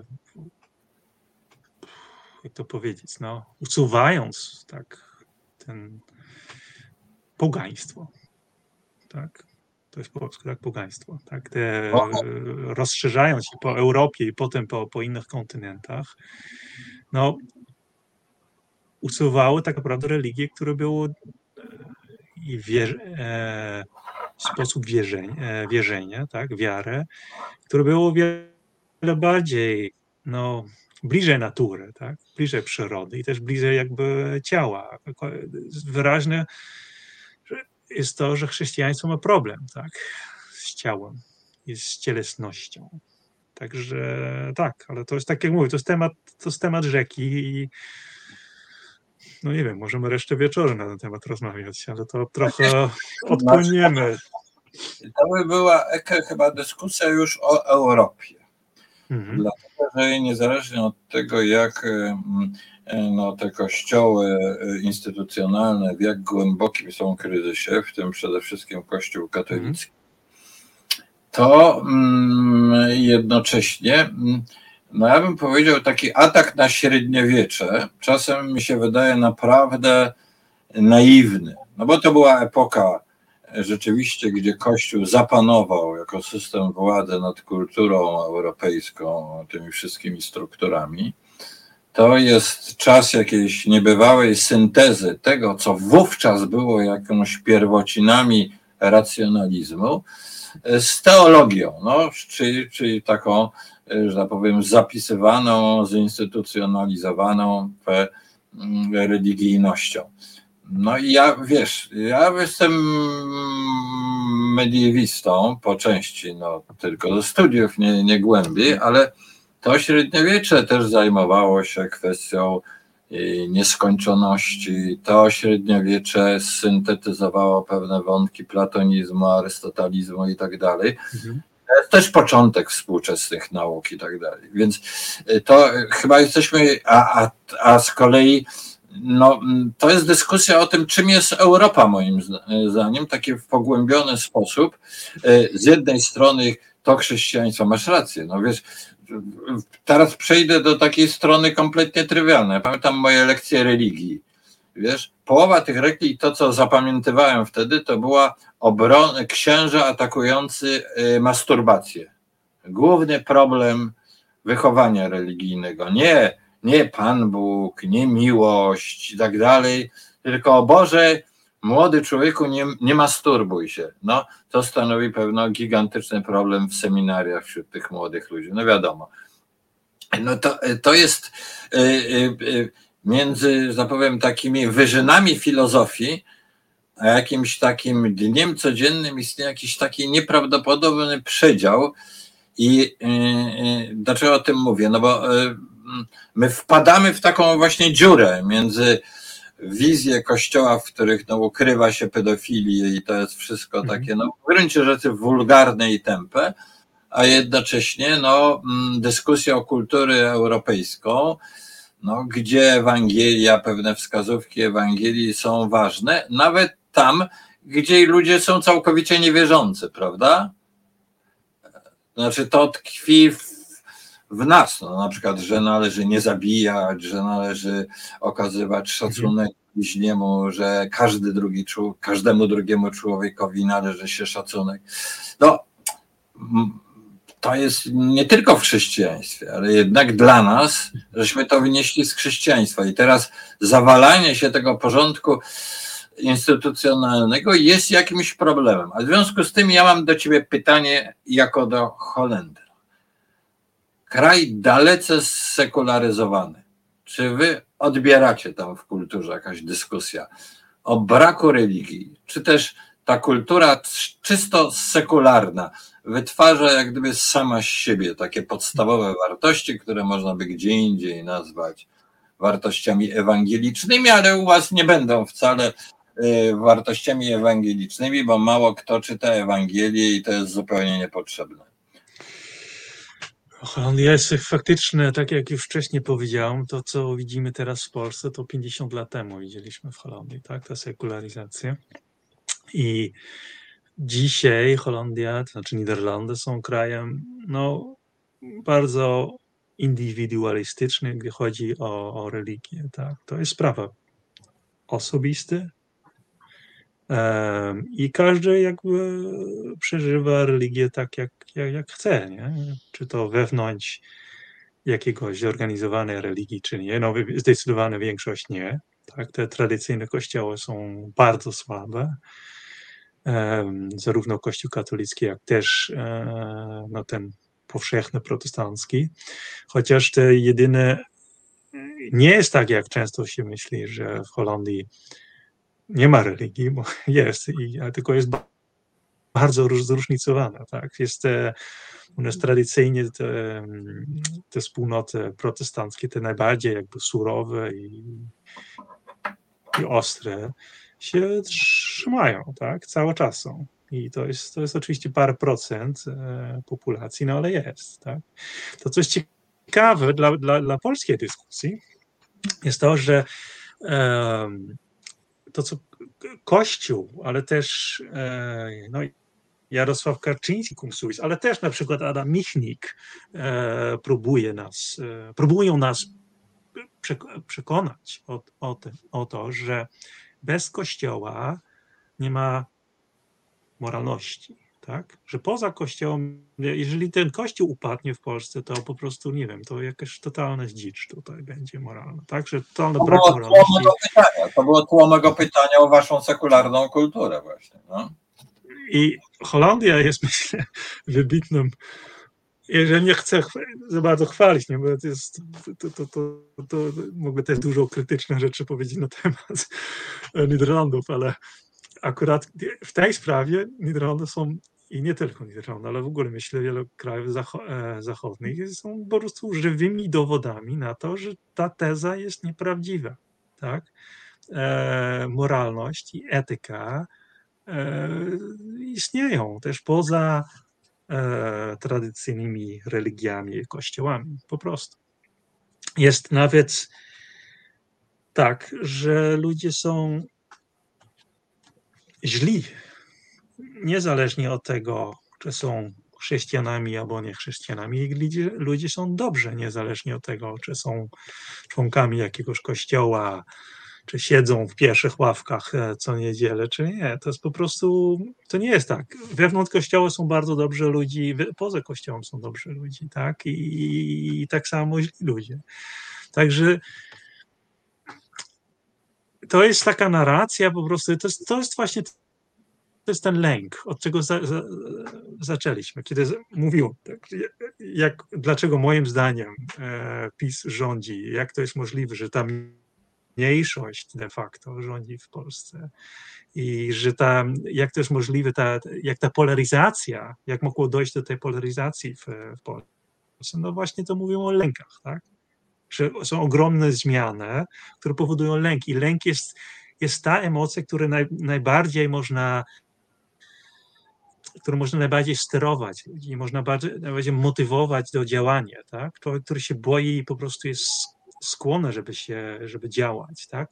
No i akurat ta utrata e, tej tradycyjnej religii, tak, i tej tradycyjnej religijności, to jest, jedna, jest jedną z tych zmian, które właśnie powodują to, że ludzie odczuwają ten lęk.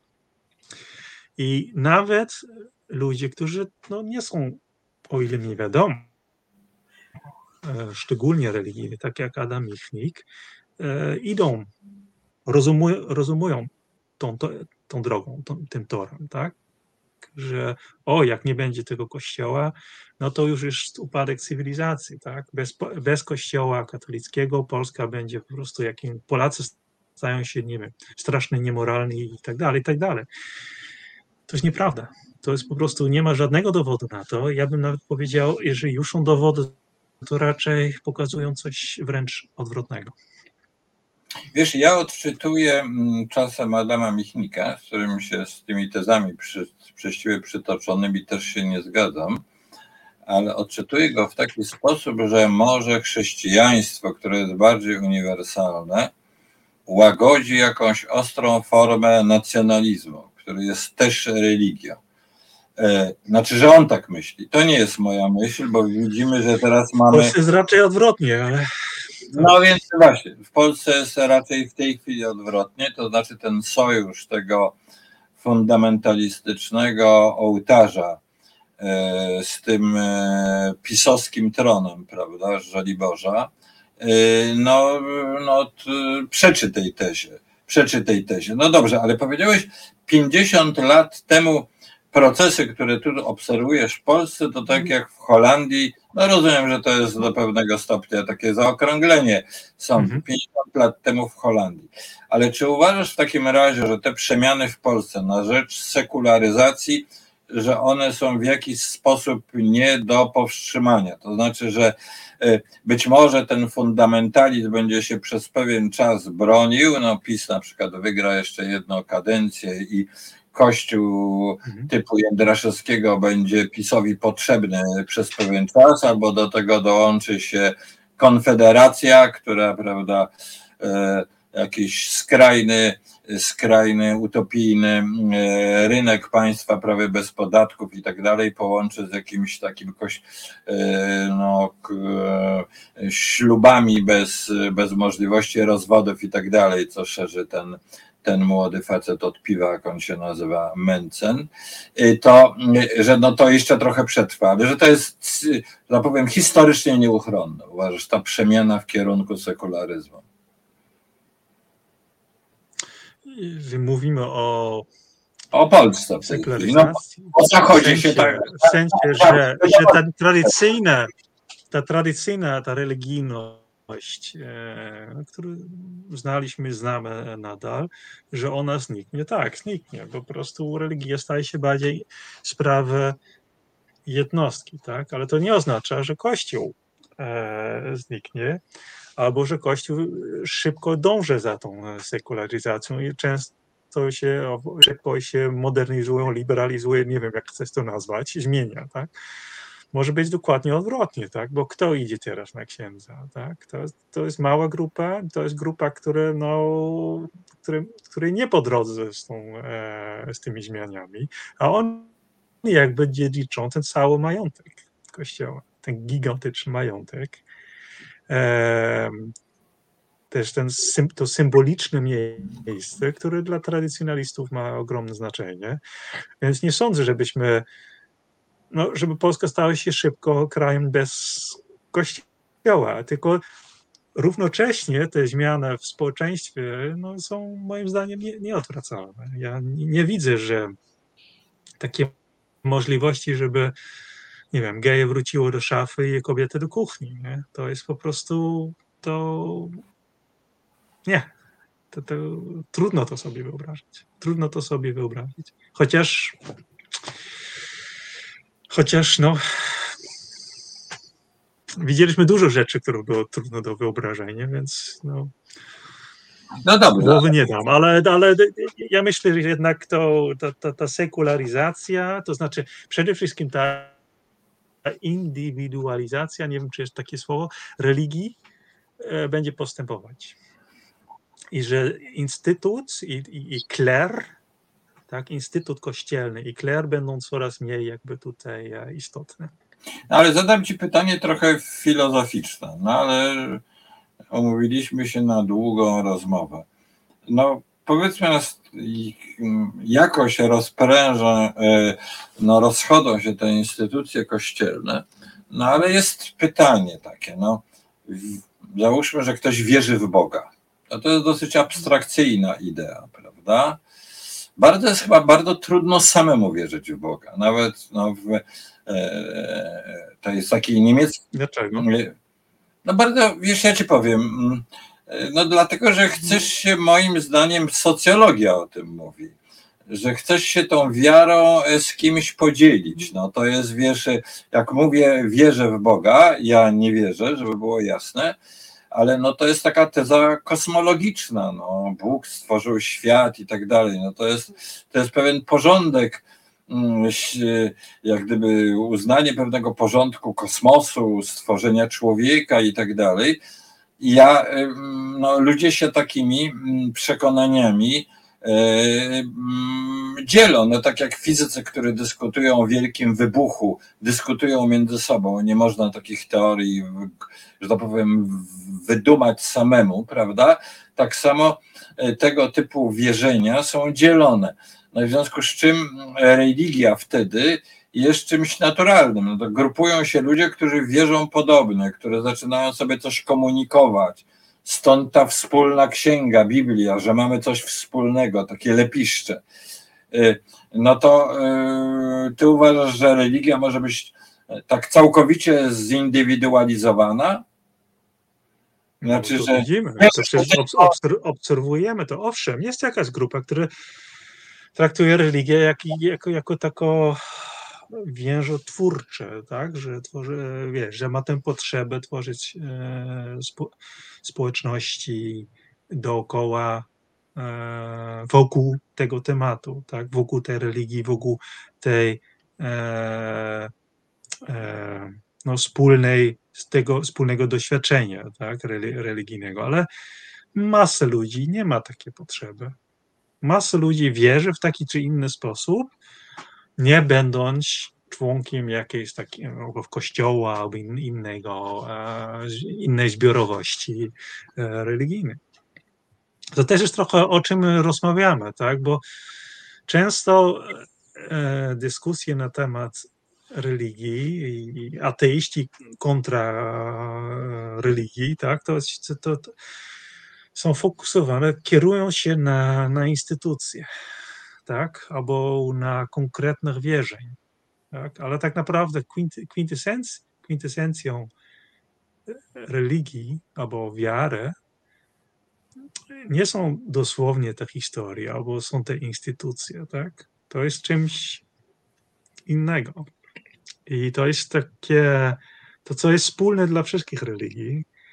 I ja myślę, że człowiek zawsze będzie tego szukać i zawsze będzie czego potrzebować, tak? Bo człowiek nie wie skąd pochodzi, nie wiem dokąd idzie, cierpie, umiera, potrzebuje pocieszenie, potrzebuje tłumaczenie, dlaczego jesteśmy.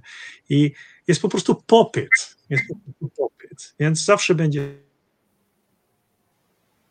szukać, tak? Ale to nie znaczy, że to musi się odbywać w ramach zorganizowanej religii, w ramach instytucji, a tym bardziej nie instytucji, które wykorzystuje tej potrzeby ludzkiej no, do do władzy, tak? No, e, do ja, sprawowania władzy nad ludźmi.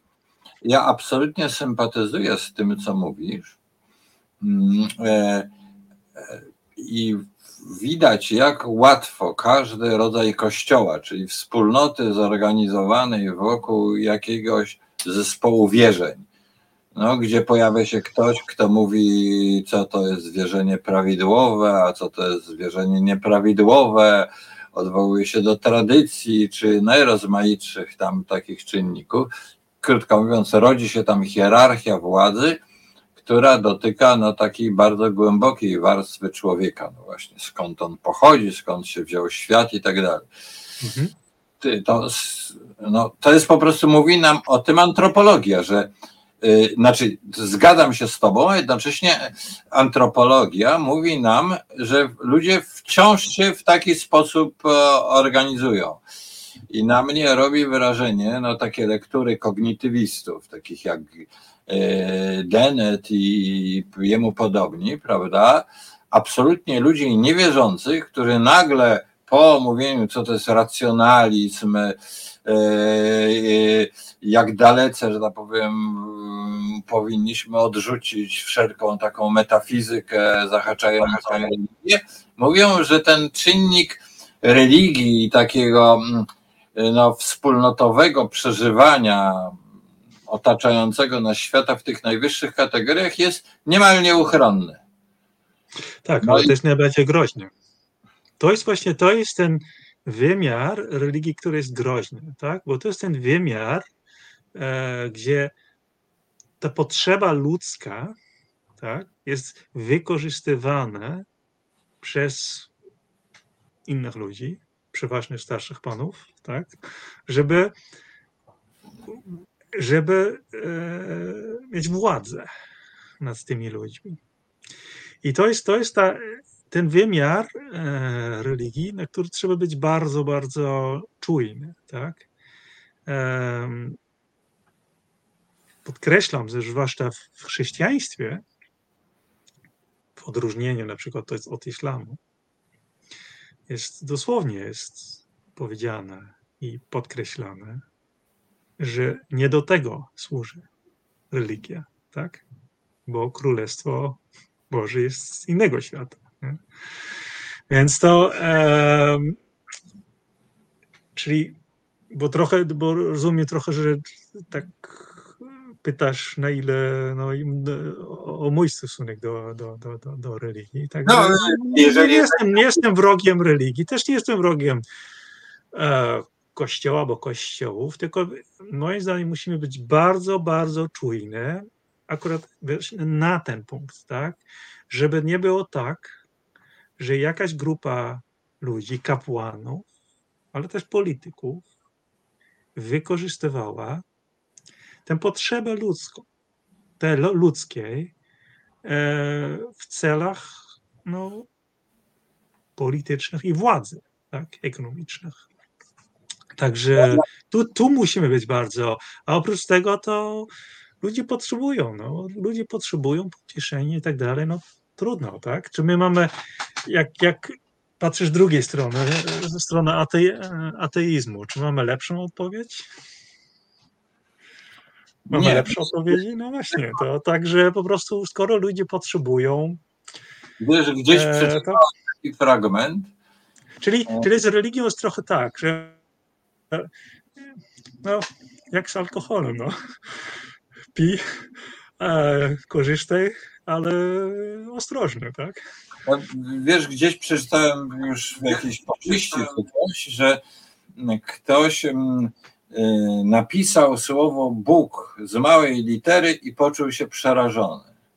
Ja myślę, że to dla wielu jest takie przeżycie, no bo E, to jest metafora literacka, no ale jak powiemy sobie, nie ma żadnego takiego porządku e, wysokiego, jesteśmy do pewnego stopnia dziełem przypadku, ewolucji i tak dalej, no to, to wymaga, znaczy jest dla mnie bardzo poważnym pytaniem, czy kultura sekularna potrafi mm, tą, jak gdyby, naszą niewiedzę o naszym pochodzeniu, pochodzeniu kosmosu jakoś e, nazwać i pogodzić nas ze śmiercią bez opowieści o życiu pozagrobowym i tak dalej.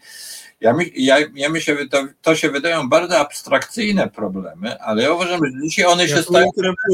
Jak mówimy o kulturze świeckiej, tak, e, właśnie rzecz polega na tym, jak mówimy o tym, kim jest Zachód, tak, albo na czym polega ta różnica, albo jedna z głównych różnic e, między Zachodem a innymi e, kulturami, tak, czyli też w pewnym sensie odpowiedź na pytanie, kim my jesteśmy jako Zachód, to jedna z głównych różnic jest to, że na Zachodzie skutkiem różnych, często przypadkowych e, e, zmian, które miały miejsce właśnie od, od końca, można powiedzieć, średniowiecze, e, my stworzyliśmy taki po prostu fundament społeczeństwa, który nie opiera się na religii.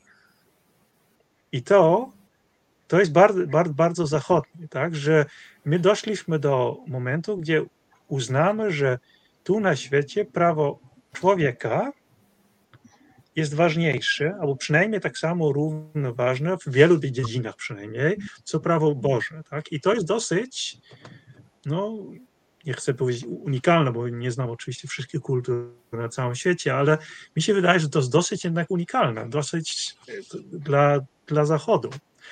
I to też widzimy, więc wracając do, do, do Twojej uwagi, czy my jako Zachód jesteśmy w stanie, albo że jako liberalne, tak, e, świat jesteśmy w stanie opowiadać na to pytanie dotyczące naszego pochodzenia, e, no, tajemnicy życia i tak dalej, i tak dalej. To nie jest, to nie jest zadanie e, związane z, z systemem politycznym, e, z organizacją społeczną. Tak? Właśnie rzecz polega na tym, że my takie sprawy zostawimy jednostkom. Że to jest sprawa prywatna, wręcz intymna, bym powiedział. Tak? To jest Twoja sprawa. To jest twoja, jak Ty się odnosisz do tych spraw, czyli jak Ty odnosisz się do Boga, albo nie Boga, albo jakkolwiek chcesz to nazywać, tak? nazwać, to jest Twoja indywidualna sprawa. Tak? I tak, no, społeczeństwo, no. społeczeństwo, może w ten sposób funkcjonować. Jeżeli my się zgodzimy co do tego, że przekonanie o sprawach metafizycznych, tak, nie powinny być decydujące w sprawach publicznych, w tym momencie społeczeństwo otwarte i demokracja mogą funkcjonować. W momencie, kiedy ktoś mówi, no ale mój Bóg, prawda, moje święte prawo i tak dalej, i tak dalej, jest ponad wszystkim, w tym momencie społeczeństwo otwarte, demokracje są po prostu zagrożone. Po prostu. Ja się z Tobą zgadzam, ale mm, nie z zastrzeżeniem, tylko z mam pytanie o kompletność Twojego opisu, bo mówisz Zachód. No to można, no, można by to rozciągnąć oczywiście na większość krajów, ten opis e, krajów Europy Zachodniej, ale już jak przyjdziemy, popłyniemy do Stanów Zjednoczonych, to mamy z tym trudności. ale ten... zauważ, że i tam e, wpływ, to znaczy e, udział jakby jak to powiedzieć, waga kościoła, bo kościołów raczej w przypadku Stanów, e, jest coraz mniejszy. Tak? Liczba ateistów albo ludzi, którzy deklarują się jako niewierzący, nazwijmy to tak, rośnie w Stanach też. Także ten, to się, ale tam jest, i więc znowu wracam do tego, tego samego e, tematu. W Stanach widzimy podobny temat, co w, e, co w Polsce. Jest, jest grupa, która się który jest przywiązany do tych, nazwijmy to, tradycyjnych wartości i czuje się zagrożony. Tak? Chociaż nie jest zagrożony, bo nikt, nikt, tak jak w Polsce, nikt nikomu nie zabrania chodzić do kościoła. Nikt nikogo nie każe e, dokonać aborcji, tak? To, to, to, to nie jest tak, że oni nie są zagrożeni, ale odbierają te zmiany jako, jako zagroże, zagrożenie i to motywuje do, dział, do działań, to jest działań politycznych, które często są skrajne. To się z Tobą zgadzam i to jest moja ogromna obawa. Jest nawet taki polsko, nie mam w tej chwili tej książki pod ręką, polsko-amerykański socjolog, który w pasjonujący sposób przeprowadził analogię między pewnymi procesami w Polsce i w Stanach Zjednoczonych. No, kraje wydają się nieprzystające do siebie, 300 kilkadziesiąt milionów, Stany Zjednoczone, wielka potęga, e, Polska, kraje stosunkowo małe w porównaniu ze Stanami Zjednoczonymi, no w ogóle nie, nie za wielki, a nagle są analogie w tym właśnie, dla niego w tym właśnie punkcie. To znaczy, ten ruch, on opisuje ten ruch e, tych szalonych kaznodziei, e, tego ducha Trumpa i tak dalej, i tak dalej, prawda? I, i i politycznego podziału społeczeństwa niespodziewanie nagle na mm, i w tle jest y, y, właśnie stosunek do religii. To jest przyczyna tego podziału. Ja się tego w Polsce w jakim stopniu boję, dlatego że w kościele katolickim y, ty opisujesz Wojtyłę, ale ja jakiejś formacji rycerzy Chrystusa, tych kładących się na chodnikach i tak dalej. Y, nie to, że ja się ich boję, no ale wiesz, no jak ktoś ma. Mm, o, o, to są ludzie, którzy mm, chcieliby bronić jakichś metafizycznych wierzeń, już nie nazwę je racjonalnymi, no ale one są często irracjonalne, bo to jest poza wszystkim innym często bardzo prymitywna jakaś teologia, w ogóle bardzo prymitywne wierzenia w gruncie rzeczy, bardziej zbliżone do jakiegoś pogaństwa niż, niż chrześcijaństwa w jakimś szerszym zrozumieniu, że oni są gotowi do przemocy.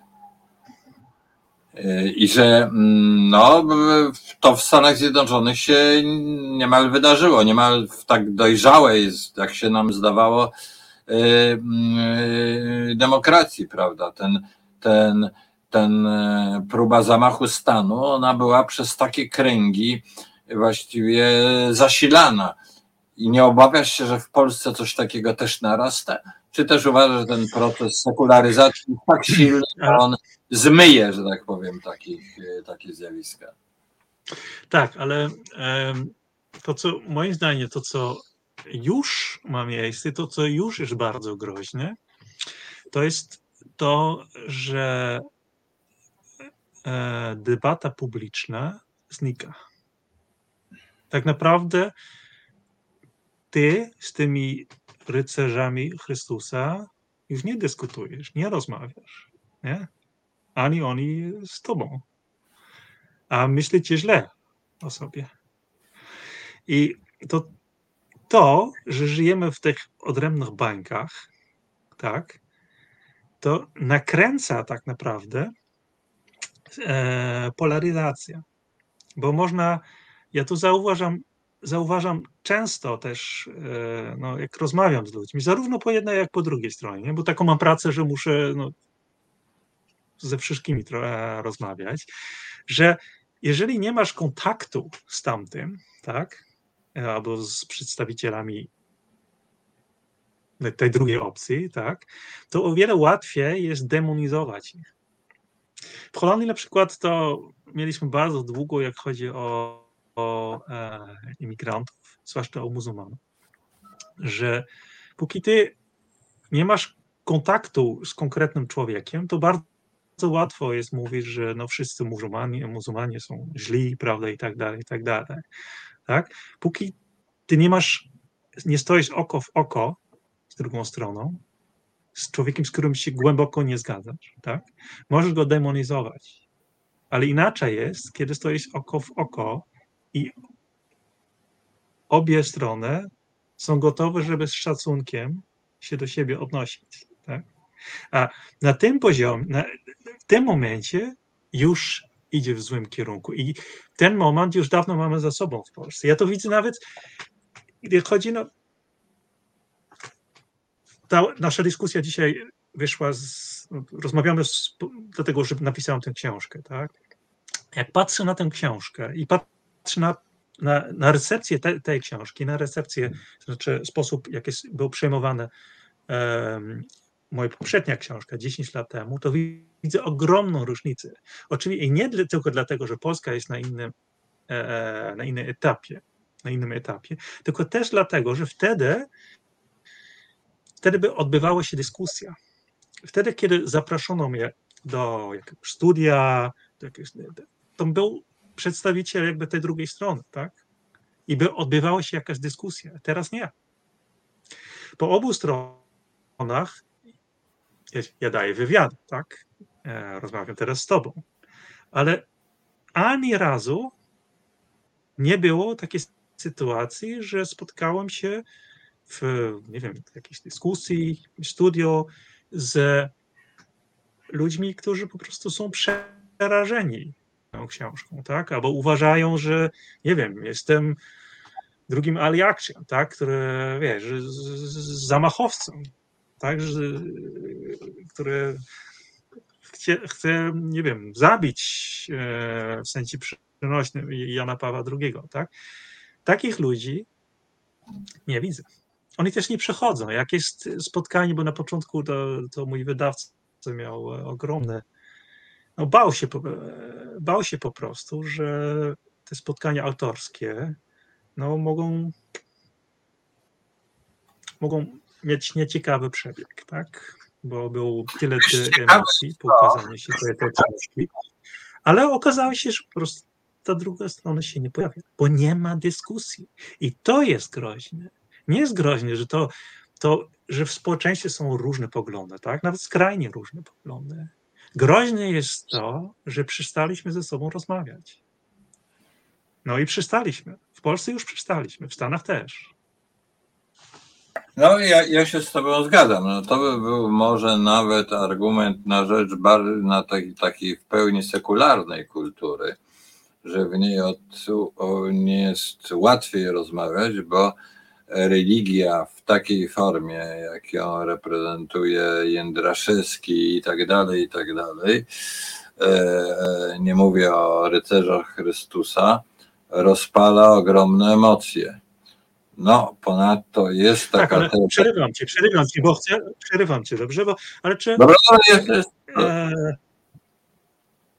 czy ksiądz kardynał Jędraszewski też powiedziałby, że panuje albo grozi, nie wiem, tęczowa zaraza, gdyby miał, siedział, miał naprzeciw e, sobie miał, nie wiem, geja, lesbijkę, osobę trans, wtedy patrząc ich w oczy, tak, też, też by powiedział, że oni są e, tęczową zarazą, tak? Obawiam się, A że on tak. miałby odwagę, siedząc przede mną, powiedzieć mi, że jestem, jestem mordercą Jana Pawła II? Obawiam się, że tak. To jest bardzo łatwo jest takie rzeczy, to tak też działa ten internet, tak? Że anonimowo, przynajmniej nie patrząc temu drugiemu człowiekowi w oczy, łatwo jest mówić bardzo, bardzo radykalne i złe rzeczy, tak? Ale inaczej jest w momencie, kiedy wypijesz z nim kubek herbaty albo kawy, tak? Ale... Albo dzielisz z nim chleb, tak? I stara, stara się rozmawiać, i oczywiście pewnie nie dojdziemy do, wniosków, do wspólnych wniosków z księdzem arcybiskupem Jędraszewskim, tak? Ale przynajmniej e, ważne jest, żeby ten kanał komunikacji był otwarty, w Polsce już nie jest to otwarty. Wiesz, ja myślę, ja myślę, że, że Jędraszewski jednak nie chciałby rozmawiać, ani by no. on by się cały czas widział jako przywódca, jako taki władca, który nie może zejść z tego piedestału mhm. i musi cały czas nauczać. Zwłaszcza, że jak wiesz, jak ty mówiłeś o tym, że no jak się spojrzy człowiekowi w oczy drugiemu, to nawet jak on ma bardzo różne poglądy, Y, to, no, to bardzo humanizuje te stosunki między ludźmi, prawda? Nie można pewnych rzeczy w oczy drugiemu człowiekowi powiedzieć. Ale, Ale przynajmniej to, to zapobiega radykalizacji, tak bym to. Poczekaj, to, to tak jakbyś mówił pewno jest Ci z całą pewnością znany ten głośny filozof Lewinas, prawda? Mhm.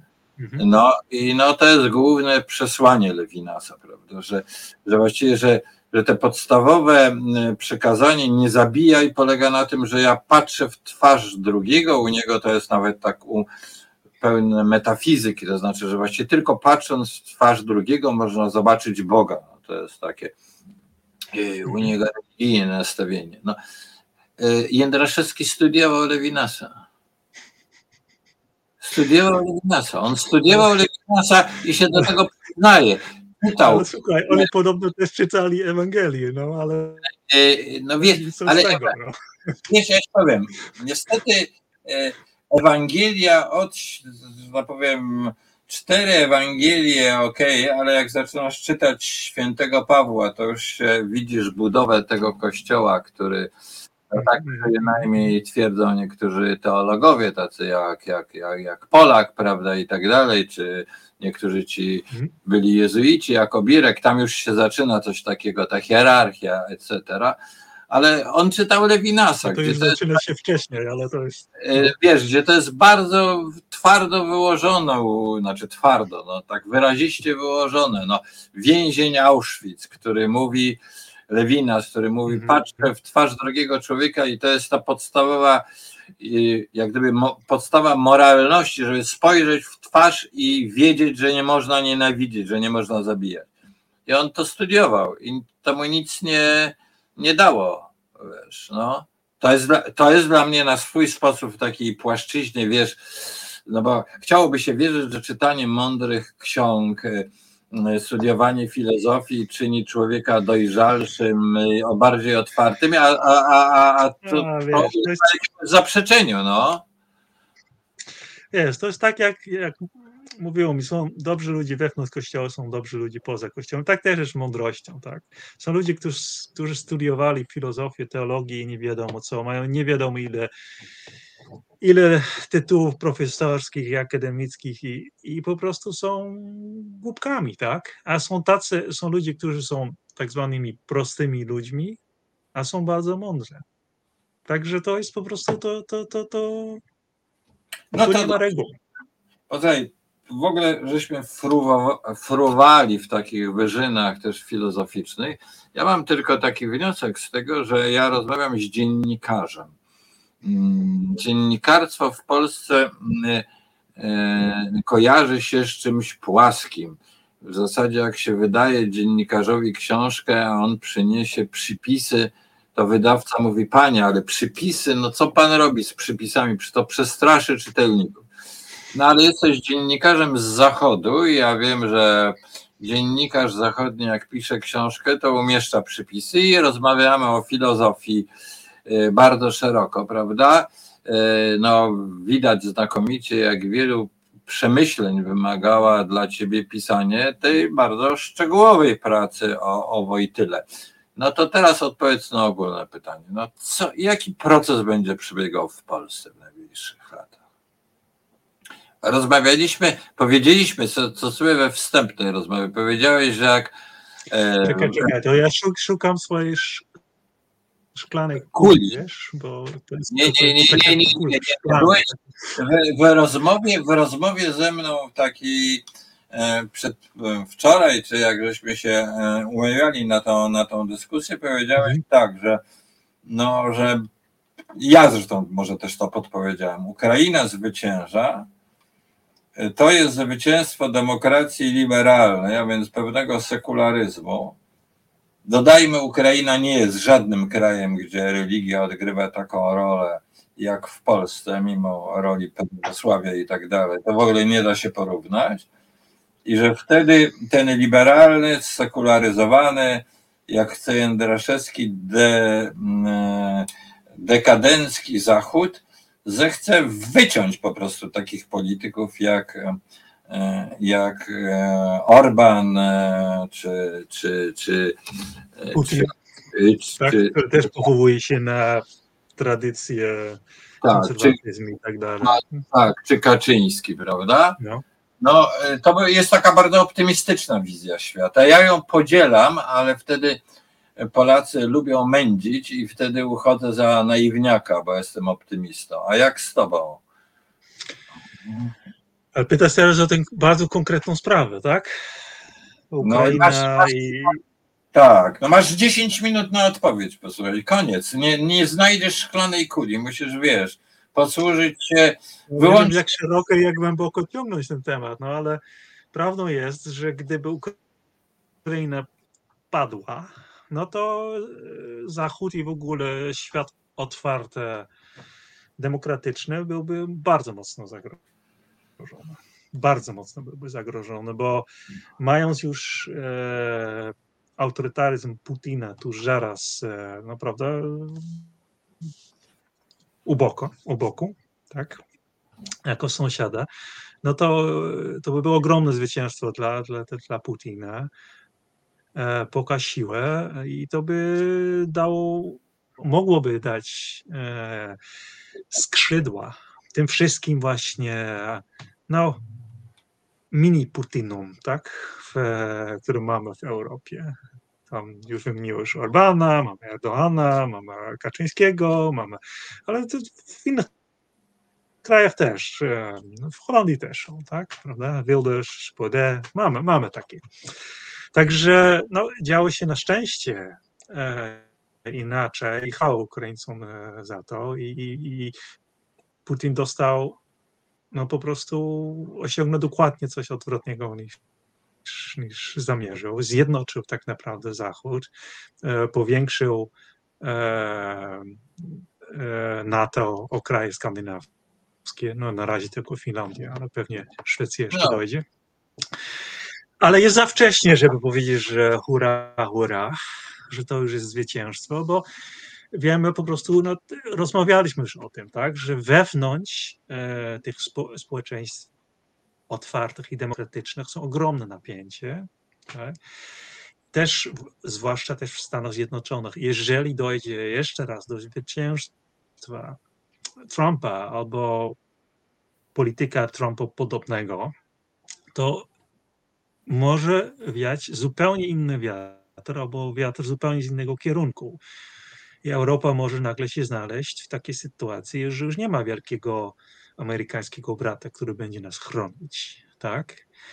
I Putin jest, może być bardzo wytrwały, jeżeli on nadal tam jest i dla niego po prostu on nie ma, tak naprawdę on już mało do stracenia, tak? On musi wytrzymać, bo tak jak Stoltenberg już powiedział, jeżeli Ukraina nie będzie w NATO, trwa ta, ta wojna, więc wojna będzie trwała, po prostu, tak? Em, Jeżeli tu, u nas, po zachodniej stronie, inny będzie wiatr, no to po prostu może się okazać, że ten wiatr akurat wieje w żagle Putina. Tak?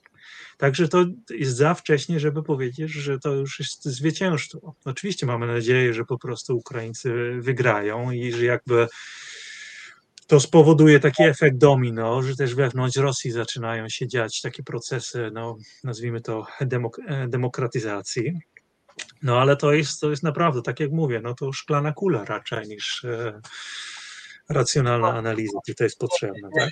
Nie szklana kula, tylko chyba teza, że żyjemy w świecie jakiegoś latach, jakiegoś bardzo przełomu e, i takiego rozgałęzienia w różnych możliwości. Posłuchaj, musimy już powoli kończyć. Ja chciałbym Ci powiedzieć tak, że to bardzo dobrze, że jesteś z nami jako taki obcy holenderski dziennikarz i nas z zewnątrz obserwujesz.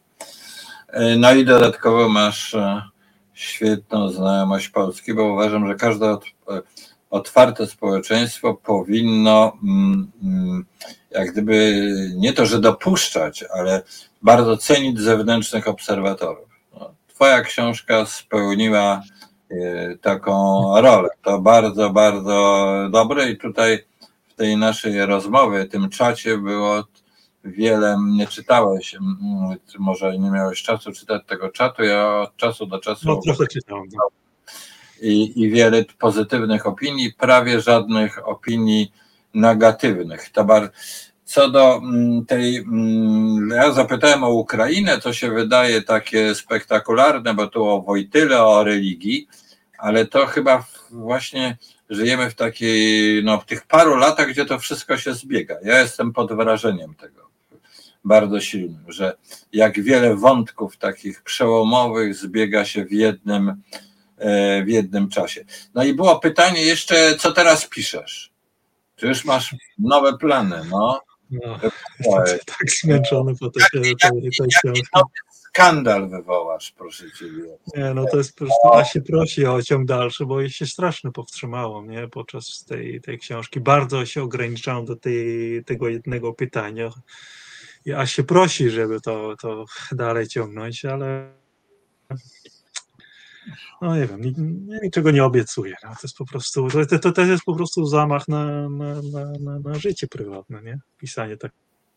Ja ci powiem, e, e, ja ci powiem, e, że jakbyśmy się spotkali, no nie teraz, na koniec audycji, to ja ci mogę podpowiedzieć kilka nie mniej sensacyjnych i skandalicznych spraw w życiu polskim, które też wymagają takiego zacięcia odwagi i pracy dziennikarskiej, bo rzeczywiście nasze społeczeństwo musi być, no, jeżeli chce być społeczeństwem otwartym, demokratycznym, no wiele stereotypów należy bardzo głęboko przeorać, co nie oznacza, że należy wszystkie pomniki od razu zwalić, tylko nie wiem, skrócić cokoły, czasem zdjąć z niekoniecznie zwalić i tak dalej, i tak dalej. To bardzo y, jest y, ciężka praca, bo też trzeba.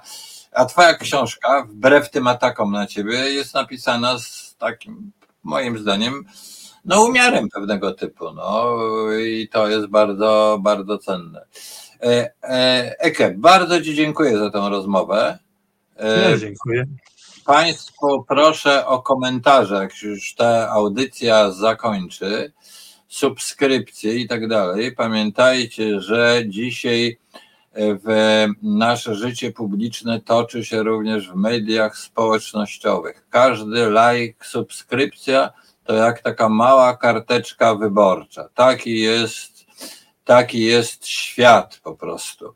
O, więc y, weźcie to sobie do serca, jeżeli wasz, ta rozmowa dosyć trudna, może nawet y, nużąca, dwie godziny o rano, o religii i tak dalej, y, no co prawda Eke, no tak, atrakcyjny rozmówca, ale mimo wszystko dwie godziny, no to jest trudna, trudna rozmowa, no to, to naprawdę wesprzecie jak gdyby takie dyskusje, o których żeśmy tu mówili, dłuższe, poważniejsze, a ja Państwu powiem tak, że ja szukam takich rozmówców, o których mówi Eka, z tego, z tych innych baniek. To jest trudne, ale sądzę, że mm, te, te środowisko resetu obywatelskiego jest takie, że my w końcu też takie forum tutaj potrafimy zorganizować. Eke, bardzo Ci dziękuję i no do spotkania, do następnego, do następnej dyskusji. Bo z Polski nie wyjeżdżasz, tylko zostajesz na szczęście z narodem z nami.